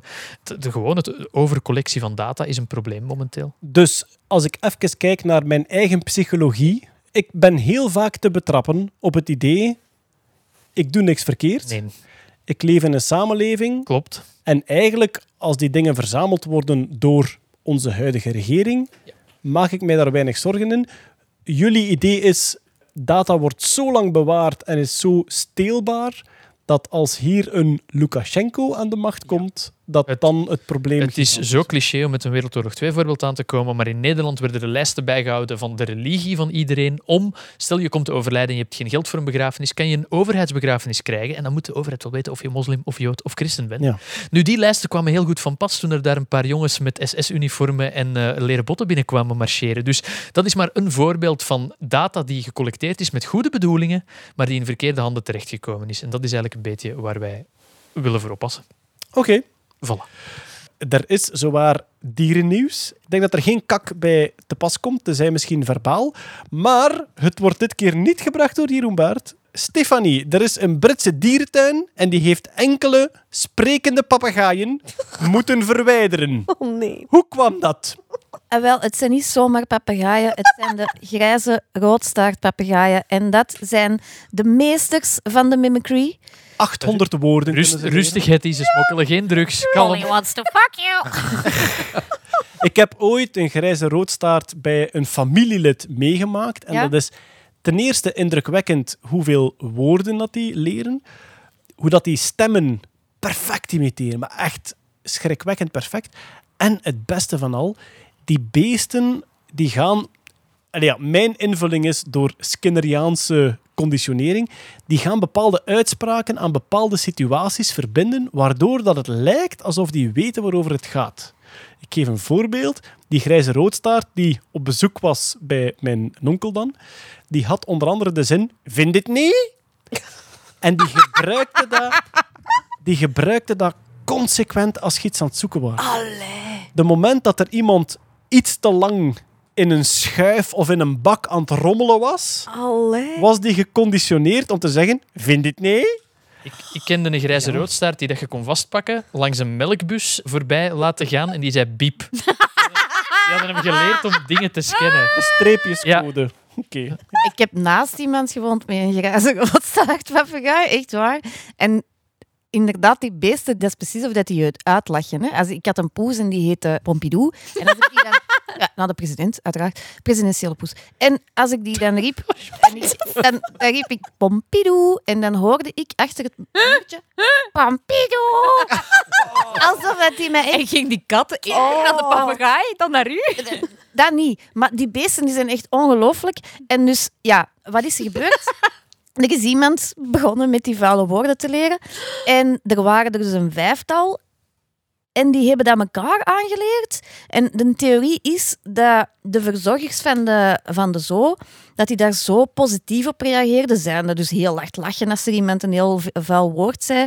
Dat die dat zijn blijven doen. Dat dat, dat Pavlov gewijs Conditionering. hè. ja, dat dat, zie je, dat dat een beetje uit de hand is gelopen. En eh, ze vond dat wel grappig, maar ja, er komen ook heel veel kinderen naar die dierentuin, dus hebben ze die apart moeten zetten. Het is een fenomeen dat onder andere bij honden ook gezien wordt. Honden hebben een bepaalde reflex waarbij dat ze hun tanden bloottrekken. Niet het agressieve grommen, maar een iets mildere vorm. En dat lijkt op een glimlach. Ja, ja. En blijkbaar reageren mensen daar zo op van zie hoe schattig, dat die ook geconditioneerd raken Right. om dat te herhalen. Poncho was dat in de auto aan toen, Peter. Ik, we Ja. zijn naar elkaar kijken. Ik Ah, met in de auto. Nee, ja, Poncho was dan toen in de auto. Maar bij hem is het wel echt lachen hoor. Ja, oké. Ja. Ja. Ja, uiteraard. Maar die grijze roodstaarten, de dierentuin in kwestie, doet ook aan adoptie. Dus verwaarloosde grijze roodstaarten kunnen daar terecht. En blijkbaar die exemplaren die kwamen, Ah, vandaar. ja, Daar die waren, de- kwamen binnen met gekleurde vocabulaire. Ja. die waren geplaatst vanuit probleemgezinnen, zullen we maar zeggen. En die hadden dus inderdaad Polly wants some crack. een, een, die hadden een gigantisch arsenaal aan scheldwoorden. Maar dat vind ik wel het boeiende aan dit verhaal. Die hebben dat aan elkaar geleerd. Ja, dat is Ja. wel... Er ontstaat een soort microcultuur. En inderdaad, omdat mensen zo hard begonnen lachen en begonnen wijzen en Hilaire, kom een keer hier, kom een keer luisteren wat een Dine zegt, werd dat echt geconditioneerd. En er was een soort groeiende cultuur van vuilbekkerij binnen de grijze roodstaarten. En ze hebben die gewoon moeten isoleren. En er zit zelfs methodologie achter. Ze proberen nu elke vloekende papegaai in een omgeving van deftige papegaaien te zetten. In, de hoop, dat ze die een beetje rehabiliteren. Maar één wel- rotte appel. Ah, eh, ja. Ja. Ja, voor hetzelfde geld. andere om te vloeken. Ja. Ja, het is, ze proberen een soort heropvoeding voor papegaaien. Of zo die tussen Perussen zetten die niet praten. Als je zo spreekt, dan spreken we niet terug tegen u.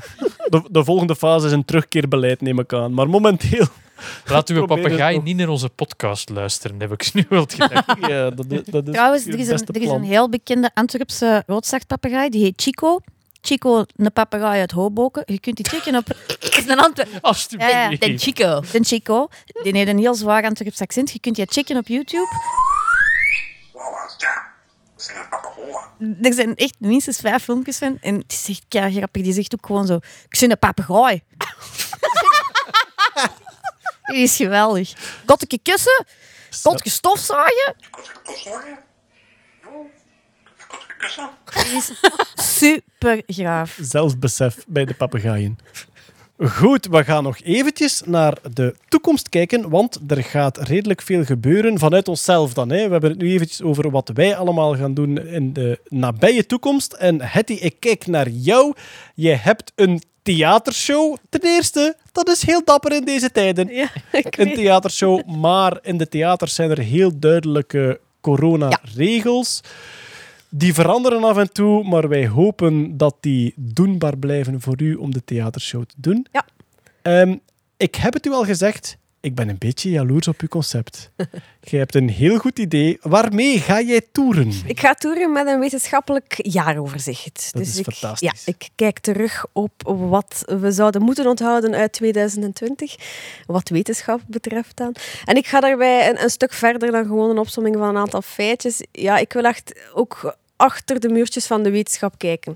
Wat drijft wetenschap? Ehm, waarom zit daar soms ego en competitie en twijfel in? Waarom duurt zo'n vaccin zo lang enzovoort? Dus ja, daar, daar wil ik heel graag in een eh, anderhalf uur durende show op terugkijken. Als ik mij niet vergis, was uw idee van... Ja, er zijn vele comedy-jaaroverzichten. Ja. Politiek en maatschappelijk enzovoort. De ik- typische Michael van Peels en Kamal en Bert Gabriels. eh, Inderdaad.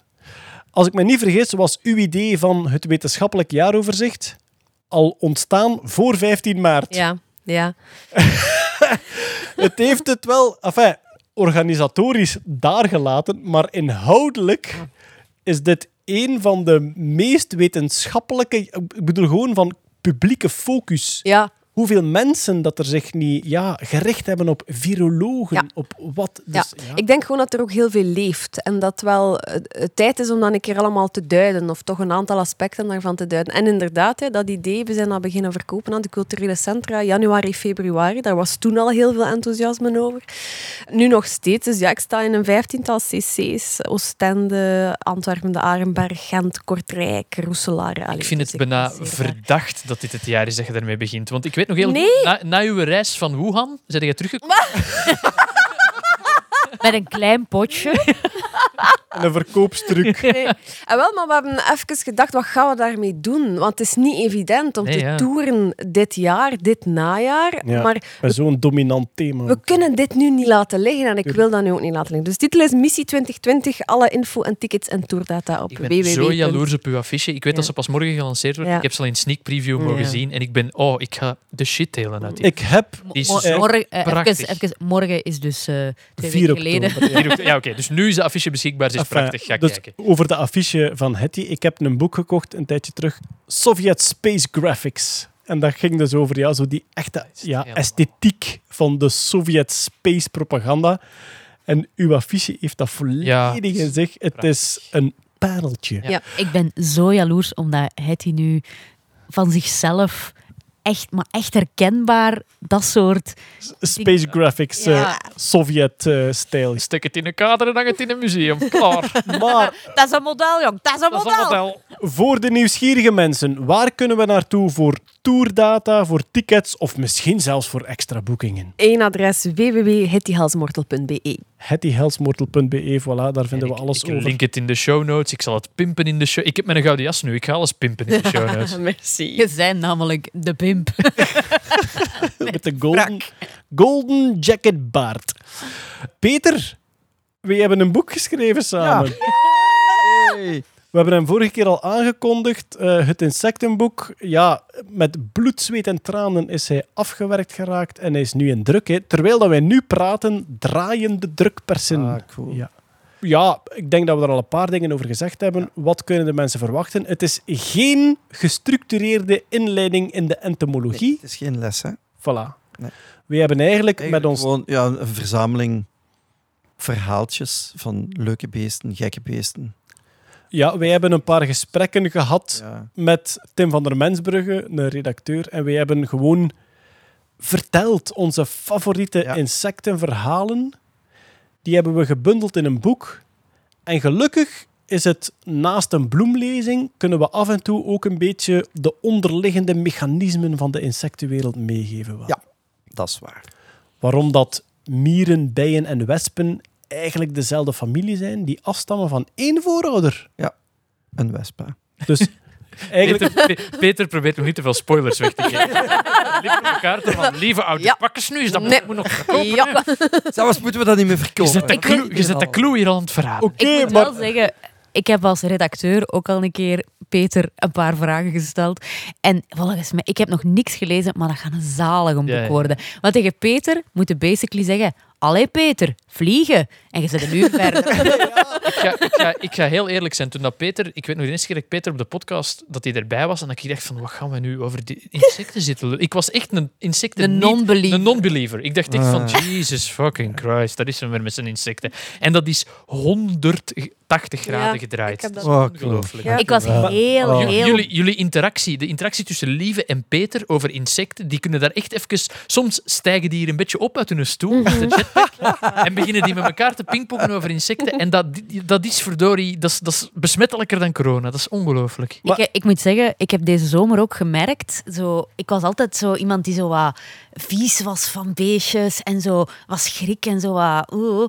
En ik heb dat niet meer. Ik heb de hele tijd nu zo verwondering. Zo van, nee, nee, nee, nee, dat is speciaal en dat is bijzonder en je moet dat goed bekijken. Want kijk, dat heeft die kleur of dat kan nog verkleuren of whatever. Zeg maar, de precieze titel van het boek is Insecten. Insecten. Zo simpel Ja, is het. ja. Insecten, hij is nu te koop in pre-order. Vanaf 20 oktober ligt hij ook in de boekhandel. De pre-orderers kunnen niets winnen. Ja. Ja, wie hem nu pre-ordert, die kan op 17 oktober... Je krijgt sowieso een gesigneerd exemplaar. Het is gesigneerd als En- je koopt via nerdland.be Ja. of lievenscheire.be. Ja. Is het een gesigneerd exemplaar. En uit alle pre-orders worden er een paar getrokken die mee mogen op Insecten Safari. Klopt. En Insecten Safari, Peter, dat is eigenlijk gewoon jij die door een park of een tuin wandelt, Ja. of zelfs een bedrijventerrein of een Ja. speelplaats, en elk blad omdraait en een verhaal vertelt van een uur over wat er... Kun jij wel dat hoedje opzetten van op de cover? Het is geen safari als Nee. je niet uw safari-hoed op Nee. hebt, Peter. Ik zou teleurgesteld zijn, zou ik winnen en je zou dat hoedje niet op hebben. Ja, ik- Ja, ik ook. Ik ga nu al zo'n hoedje kopen. Als Peter zich niet wil verkleden, moet jij wel echt overboard gaan. ik heb niet gekozen voor dat hoedje. De machete, de korte Maar je broek. staat er zo ja, goed mee, ja, Peter. ja, dat is waar, gaat ja. die zo goed af. Dat vonden mijn huisgenoten ook. hè. Hij is een Australiër in het diepst van zijn gedachten. Ja, oké. Daar zitten pas de coole beesten in Australië. Zeg maar, er Wacht is ook op het volgende boek, Peter. Insecten Australië. Down Under. Down Under, ja, absoluut. Ja. Er is ook nog een doeboek dat eraan komt. Zeg, wanneer verschijnt het doeboek? 20 november. 20 november. Ja, Ah, we zijn nog aan het Ah. We, we hebben nog tijd. We hebben nog tijd. Dus het doeboek, we hebben deze zomer al Ja. het doeboek gehad voor kinderen, jongeren met projectjes, met weetjes. Ja, daar was wel heel veel vraag naar. Dus dachten het wij, wel goed gedaan eigenlijk. hè. weet je wat, we doen dat nog eens. Ja. Maar in het donker, want het is in de winter. Ja, Ah, het zijn allemaal winterverhalen en dingen rond ja, eh, licht en vuur en sneeuw en kerst. En ik vind het super cool om te IJs. Ik ben, en ijs. donker. ik ben al die testen aan het uitproberen, Ja. al die experimenten. En die zijn keileuk. Kei van kom ik zo, keer tof. Kijk, we gaan nu al een beetje pre Ja, en dan, voilà. Want volgende maand kunnen we hem echt aankondigen en dan weten de mensen een nieuw doeboek. Ja, wij zeggen wel voor kinderen en jongeren, maar uit de reacties van die zomerboek blijkt toch dat heel veel volwassenen daar Ja. ook wel... Maar ja, je ziet dan Els ook. Ja, hè. ik echt. heb, er staan er 24 doedingen in en Els is allemaal aan het uittesten. Ja, en die komt elke er- avond ja, enthousiast thuis. Ik moet er een paar doen, omdat ik daar foto's moet van Ja. maken. Maar er zijn er ook een paar waar dat ik geen foto's moet van maken. Die je zomaar doet. Zijn er ook die dat origineel erin moesten komen, die dat jij geprobeerd hebt en dan afgevoerd? Ja, ja, ja. Of waar dat we kleine- hebben aangepast, ja. of waar dat we bijschrijven van, kijk, als je het zus of zo, extra tips. Allee, Ja. Dus echt zo van die dingen die je op internet vindt, die gewoon niet marcheren. Dat hè. hij die tegen u zegt van, allee, als dat was nu zo goed uit, zet jij nu achterlijk. Of zo, ja, maar kom dan zien, hè. Kom dan zien, hè. Zet dat blacklight er zelf op. Zie de jij iets oplichten? Ik niet, hè. We hebben ook gehad dat ons handen twee dagen lang onder blacklights oplichten. Is? Dat we iets hebben geprobeerd dat er niet in... Allee, dat we aanpassen. Om En net nu dat de dansings niet open zijn. Spijtig. hadden Gelijk jullie- dat wij veel naar dansings gingen. Dat jullie konden gaan raven zoals vroeger. Maar kijk, volgende maand vertellen we jullie er Yes. nog iets meer over. En dan heb ik nog één iets aan te kondigen. En dat is dat het nieuw seizoen van Team Ook op tv komt. Vanaf 13 oktober is dat op Canvas. Team Scheire, vorig jaar was er al een eerste seizoen. Het zijn eigenlijk makers waar ik mee mag samenwerken. Makers die een specifieke oplossing bouwen voor mensen met een specifiek probleem. Ja, waar ben ik dit jaar zeer enthousiast over. In de eerste aflevering zit Kenny. Kenny heeft eh, zeer weinig controle over zijn spieren, kan eigenlijk enkel nog zijn hand een beetje bewegen, zit in een elektrische rolstoel met een joystick. Maar hij is grafisch ontwerper. Wat is zijn droom? Ik wil graag een keer graffiti op een muur zetten. Nu, zo die graffiti-mannen die zo s'nachts op de treinstellen gaan spuiten en dan weglopen van de flikken, dat is voor Kenny niet echt een optie. Agel heeft zijn, zijn rolstoel niet geboost. Ja, Kunnen wegrijven. dat is het volgende plan. De 4x4 rolstoel. Maar wat heeft Anthony gedaan? Hey, Anthony Liekens, eh, toch een van de helden van de Ja. maker community, die heeft gewoon een apparaat gebouwd. Dus wat heeft Kenny nu nodig? Hij heeft iemand nodig die voor hem een soort twee kettingen systeem met een graffitibus aan kettingen ophangt aan een muur. En dan kan hij met zijn joystick gewoon zelf murals plaatsen. En ja, ik mag het eigenlijk niet zeggen, maar op het einde van de aflevering zet hij dus zijn eerste mural op een muur in Antwerpen. Dat is er eentje van. En ja, verder, goh, ik, ik zou eindeloos kunnen doorgaan. Maar ja, Greet is een vrouw in een elektrische rolstoel die op café gaat, die heel zelfstandig is. Maar als het regent, komt hij dus echt zeiknat thuis. hè. Die komt van het station, rijdt hij naar huis. En die zei tegen ons, ja, als het uur verkeerd is, zit ik vijf uur nat te wachten op de verpleegster. Dus wat heeft Ronald gedaan? Nu, ik moet nu wel zeggen, Greet is iemand, dat is geweldig aan betand, maar die laat zich daar niet door afremmen. Hè. Die doet wat ze wil, ook al moest ze daarvoor nat zitten wachten op een verpleegster. Wat heeft Ronald gedaan? Een extra knop op de rolstoel om een goed weggeborgen paraplu open te laten klappen boven haar. Open te laten gaan. Zij kan die richten naar de wind, naar de richting van de regen, zodanig dat ze droog blijft. Enfin, de rest... Je zegt een paraplu op een rolstoel en ik denk, hoe kan dat dat nog niet bestaat? Maar als je dan begint met de, de richting van de wind en de regen... Oké, ja, dat Nee, is niet maar- gewoon een paraplu op een rolstoel. Hè. op zich, Els, uw, uw reflex van waarom bestaat dat nog niet? Wij hebben die een paar keer gehad. Sommige dingen, hè, waarom bestaat er geen graffiti-machine voor elektrische rolstoelen? Ja, dat snap ik nu Ja, wel. Ik bedoel, ja. Het is een heel specifieke Ja. vraag voor een heel Maar specifiek een paraplu, inderdaad. hè. Inderdaad. Dus Ja. bij sommige vragen van Team Scheire hebben we echt wel gedacht... Misschien moeten we er verder mee gaan, moeten we dat verder ontwikkelen, of waarom bestaat het nog niet elders? Maar ik ben heel content met het programma, niet alleen voor die een maatschappelijke insteek en voor het feit dat we mensen echt ja, iets, een nieuwe kans, ja, kans is dat niet, maar een nieuwe mogelijkheid kunnen bieden die ze graag willen. Maar ook voor die kracht van die maker community. Het feit dat je, als je vandaag een idee hebt en je wil het bouwen, dat je met FabLabs, met hardware, met software, dat je zoveel zelf kunt doen, dat vind ik daar nog altijd heel tof. Uit het eerste seizoen, de verlamde jongen die wil eh, Grand Theft Auto spelen. Dat is, en dat is niet omdat ik hier nu zit en u ken en dit en dat, maar dat is echt bij de beste tv dat ik in jaren gezien. Hmm. Dat, was echt, dat raakte mij omdat dat gaming was. Dat raakte mij omdat dat Anthony is zo begaan. Dat was echt, daar was ik echt door gepakt. Maar dat verhaal Dat van, klopte. Wauw. dat is Laszlo, hè, inderdaad. Dus Laszlo, die inderdaad eh, geboren is, ik denk met een zuurstofgebrek en die dus aan een rolstoel gekluisterd is. Voor mij is dat... Ik stond erbij, hè, dus ik was toeschouwer van wat er daar gebeurde. Voor mij is dat een Hollywood-verhaal. Ik ben er nog altijd van aangedaan als ik daaraan denk. Ja, dat, eh, Laszlo is een tweeling. Zijn broer heeft niets. Die kijkt elke dag naar zijn evenbeeld die rondloopt en die alles doet in de wereld. Zijn broer is een schat van een mens. Waarom? Die doet alles voor Laszlo wat hij wil. Dus als Laszlo zegt, af en toe wil Laszlo ook spelen. Maar ja, hij zit in een elektrische rolstoel, kan eigenlijk enkel zijn hand bewegen, kan zelfs niet praten. En die vraagt aan zijn broer, kun jij nu een keer met dat nerfgeweer naar daar schieten? En zijn broer doet dat voor hem. En Laszlo beleeft dat door zijn broer die dat doet. Dus die heeft zo'n beetje een avatar. Maar zijn grote droom was, ik wil ook een echte avatar in die gamingwereld. Maar hij kan natuurlijk geen gaming-toestel bedienen. Dus ja, Anthony alweer heeft dan een toestel gebouwd waarin dat Laszlo met heel grote bewegingen met zijn arm links en rechts eigenlijk zelfgemaakte, ja, zijn dat knoppen, het zijn gewoon oppervlakten. Als hij ze aanraakt, gaat hij vooruit, Grote achteruit. touchpads. Voilà. Die heeft eigenlijk, eigenlijk heeft Anthony de rolstoel van Laszlo omgebouwd naar een gamecontroller. En elke grote beweging dat hij doet, is een actie. Die is daarmee GTA beginnen spelen, ook Fortnite beginnen spelen. GTA qua dat je moet doen, geen eenvoudig spel. Dit is niet Pac-Man boven, onder, beneden, rechts. hè. Dat is wapens pakken, dat is wisselen, dat is rijden met een auto. Klopt. Dat is, een, dat is echt wel een complexiteit die dat echt... eh, Je hebt inderdaad heel veel vrijheidsgraden die je moet bedienen. Maar wij hebben de moeder van Laszlo een paar maanden later nog gezien. En ze zei van ja, hij gamet nu anderhalf uur, twee uur per dag. dat hij eigenlijk zit te spelen. Hij werkt hem ook in het zweet, dus hij heeft fysieke exercise. Maar de moment dat ik toch een beetje vol schoot... Hè, de man van Laszlo zegt, ik kwam thuis en hij was twee uur aan het zwemmen in GTA.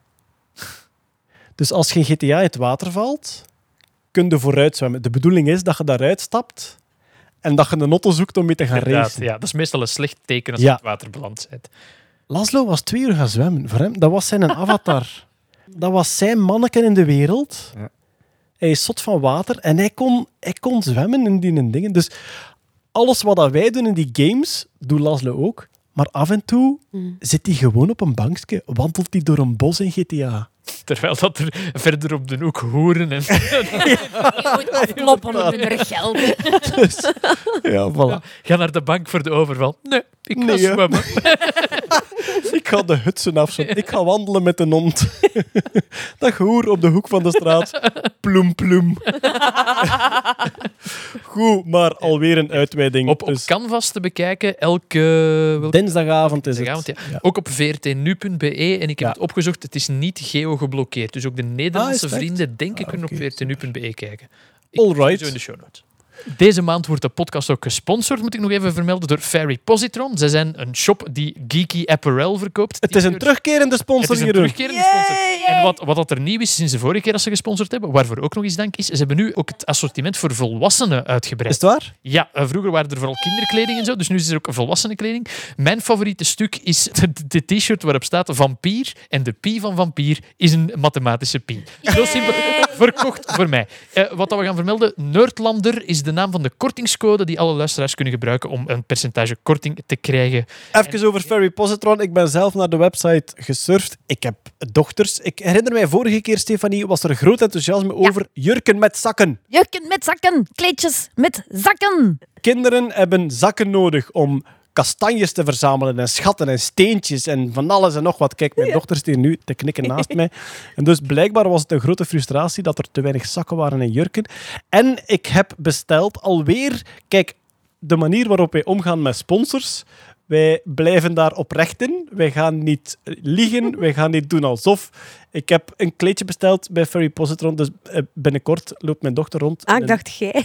ja, ja, zou ook kunnen. Maar binnenkort loopt mijn dochter rond met een blauw kleedje. Met daarop, ten eerste, een blauw kleedje met een zak. Om kastanjes en andere steentjes en van alles in te... Andere steentjes, kastanjes zijn geen steentjes. Maakt niet uit. En daarop het grondplan van de Apollo-raket. Ja. Nice. Staat daarop. Dus Cool. eh, kijk, voilà. Even, ze hebben ook uw mondmaskers met het schubdiertje en zo hebben zij mee geholpen. Of hoe Dat- zat dat in elkaar? Ja, dat was inderdaad, dat werd verdeeld door Ferry Positron. Maar die zijn helaas uitverkocht. Het Je had erbij Komt er een nieuwe? Ik, maar ik heb dus geen mondmasker met een schubdiertje. op. Jeroen. Schub, schubdiertje zegt sorry. Is het Ja. een super mondmasker? Maar het schubdiertje is intussen vrij gepleit. Maar het, het heeft vaak sorry moeten zeggen, lieve. Dat is waar. Dus waar we kunnen naar de Ja. volgende lijn. Maar even voor de duidelijkheid: ferrypositron.be. .be. De code om 15% korting te krijgen is Nerdlander. En het assortiment is dus uitgebreid ook met volwassenen spullen en zo. Dus eh, voor ieder wat wil. Voilà, ferrypositron.be, kortingscode Nerdlander, allen daarheen. Zijn er volwassen kleedjes met zakken in? Ja, er zijn er. Want en je kunt ook, graag ook... kastanjes en En je kunt ook hetzelfde, hetzelfde kleedje voor u en dan... Dat is waar. Dat, is de, dat klopt, dat is de nieuwe gimmick van de Ja. website. Is hetzelfde t-shirt of kleedje voor u en uw kindje. Ja, Want want foemp zijn kan ook geeky. Dus ferrypositron.be, aan elkaar geschreven op zijn Engels. De link komt ook in de show notes. Maandoverzicht.nerdland.be. Allen daarheen. Promocode Nerdlander. 15% korting. Daarmee denk ik dat we alles weer gehad hebben voor vandaag. En dan dank ik iedereen voor het luisteren tot nu. En alle aanwezigen natuurlijk. Hetty Helswoord. Met veel plezier. Els Aert. Dag. Peter Berks. Dag. Jeroen Baar. Hallo. Poncho de Woef, die uiteraard weer niks zegt, maar zo schattig kijkt. Stefanie is al naar huis. Eh, graag tot een volgende keer. Dag.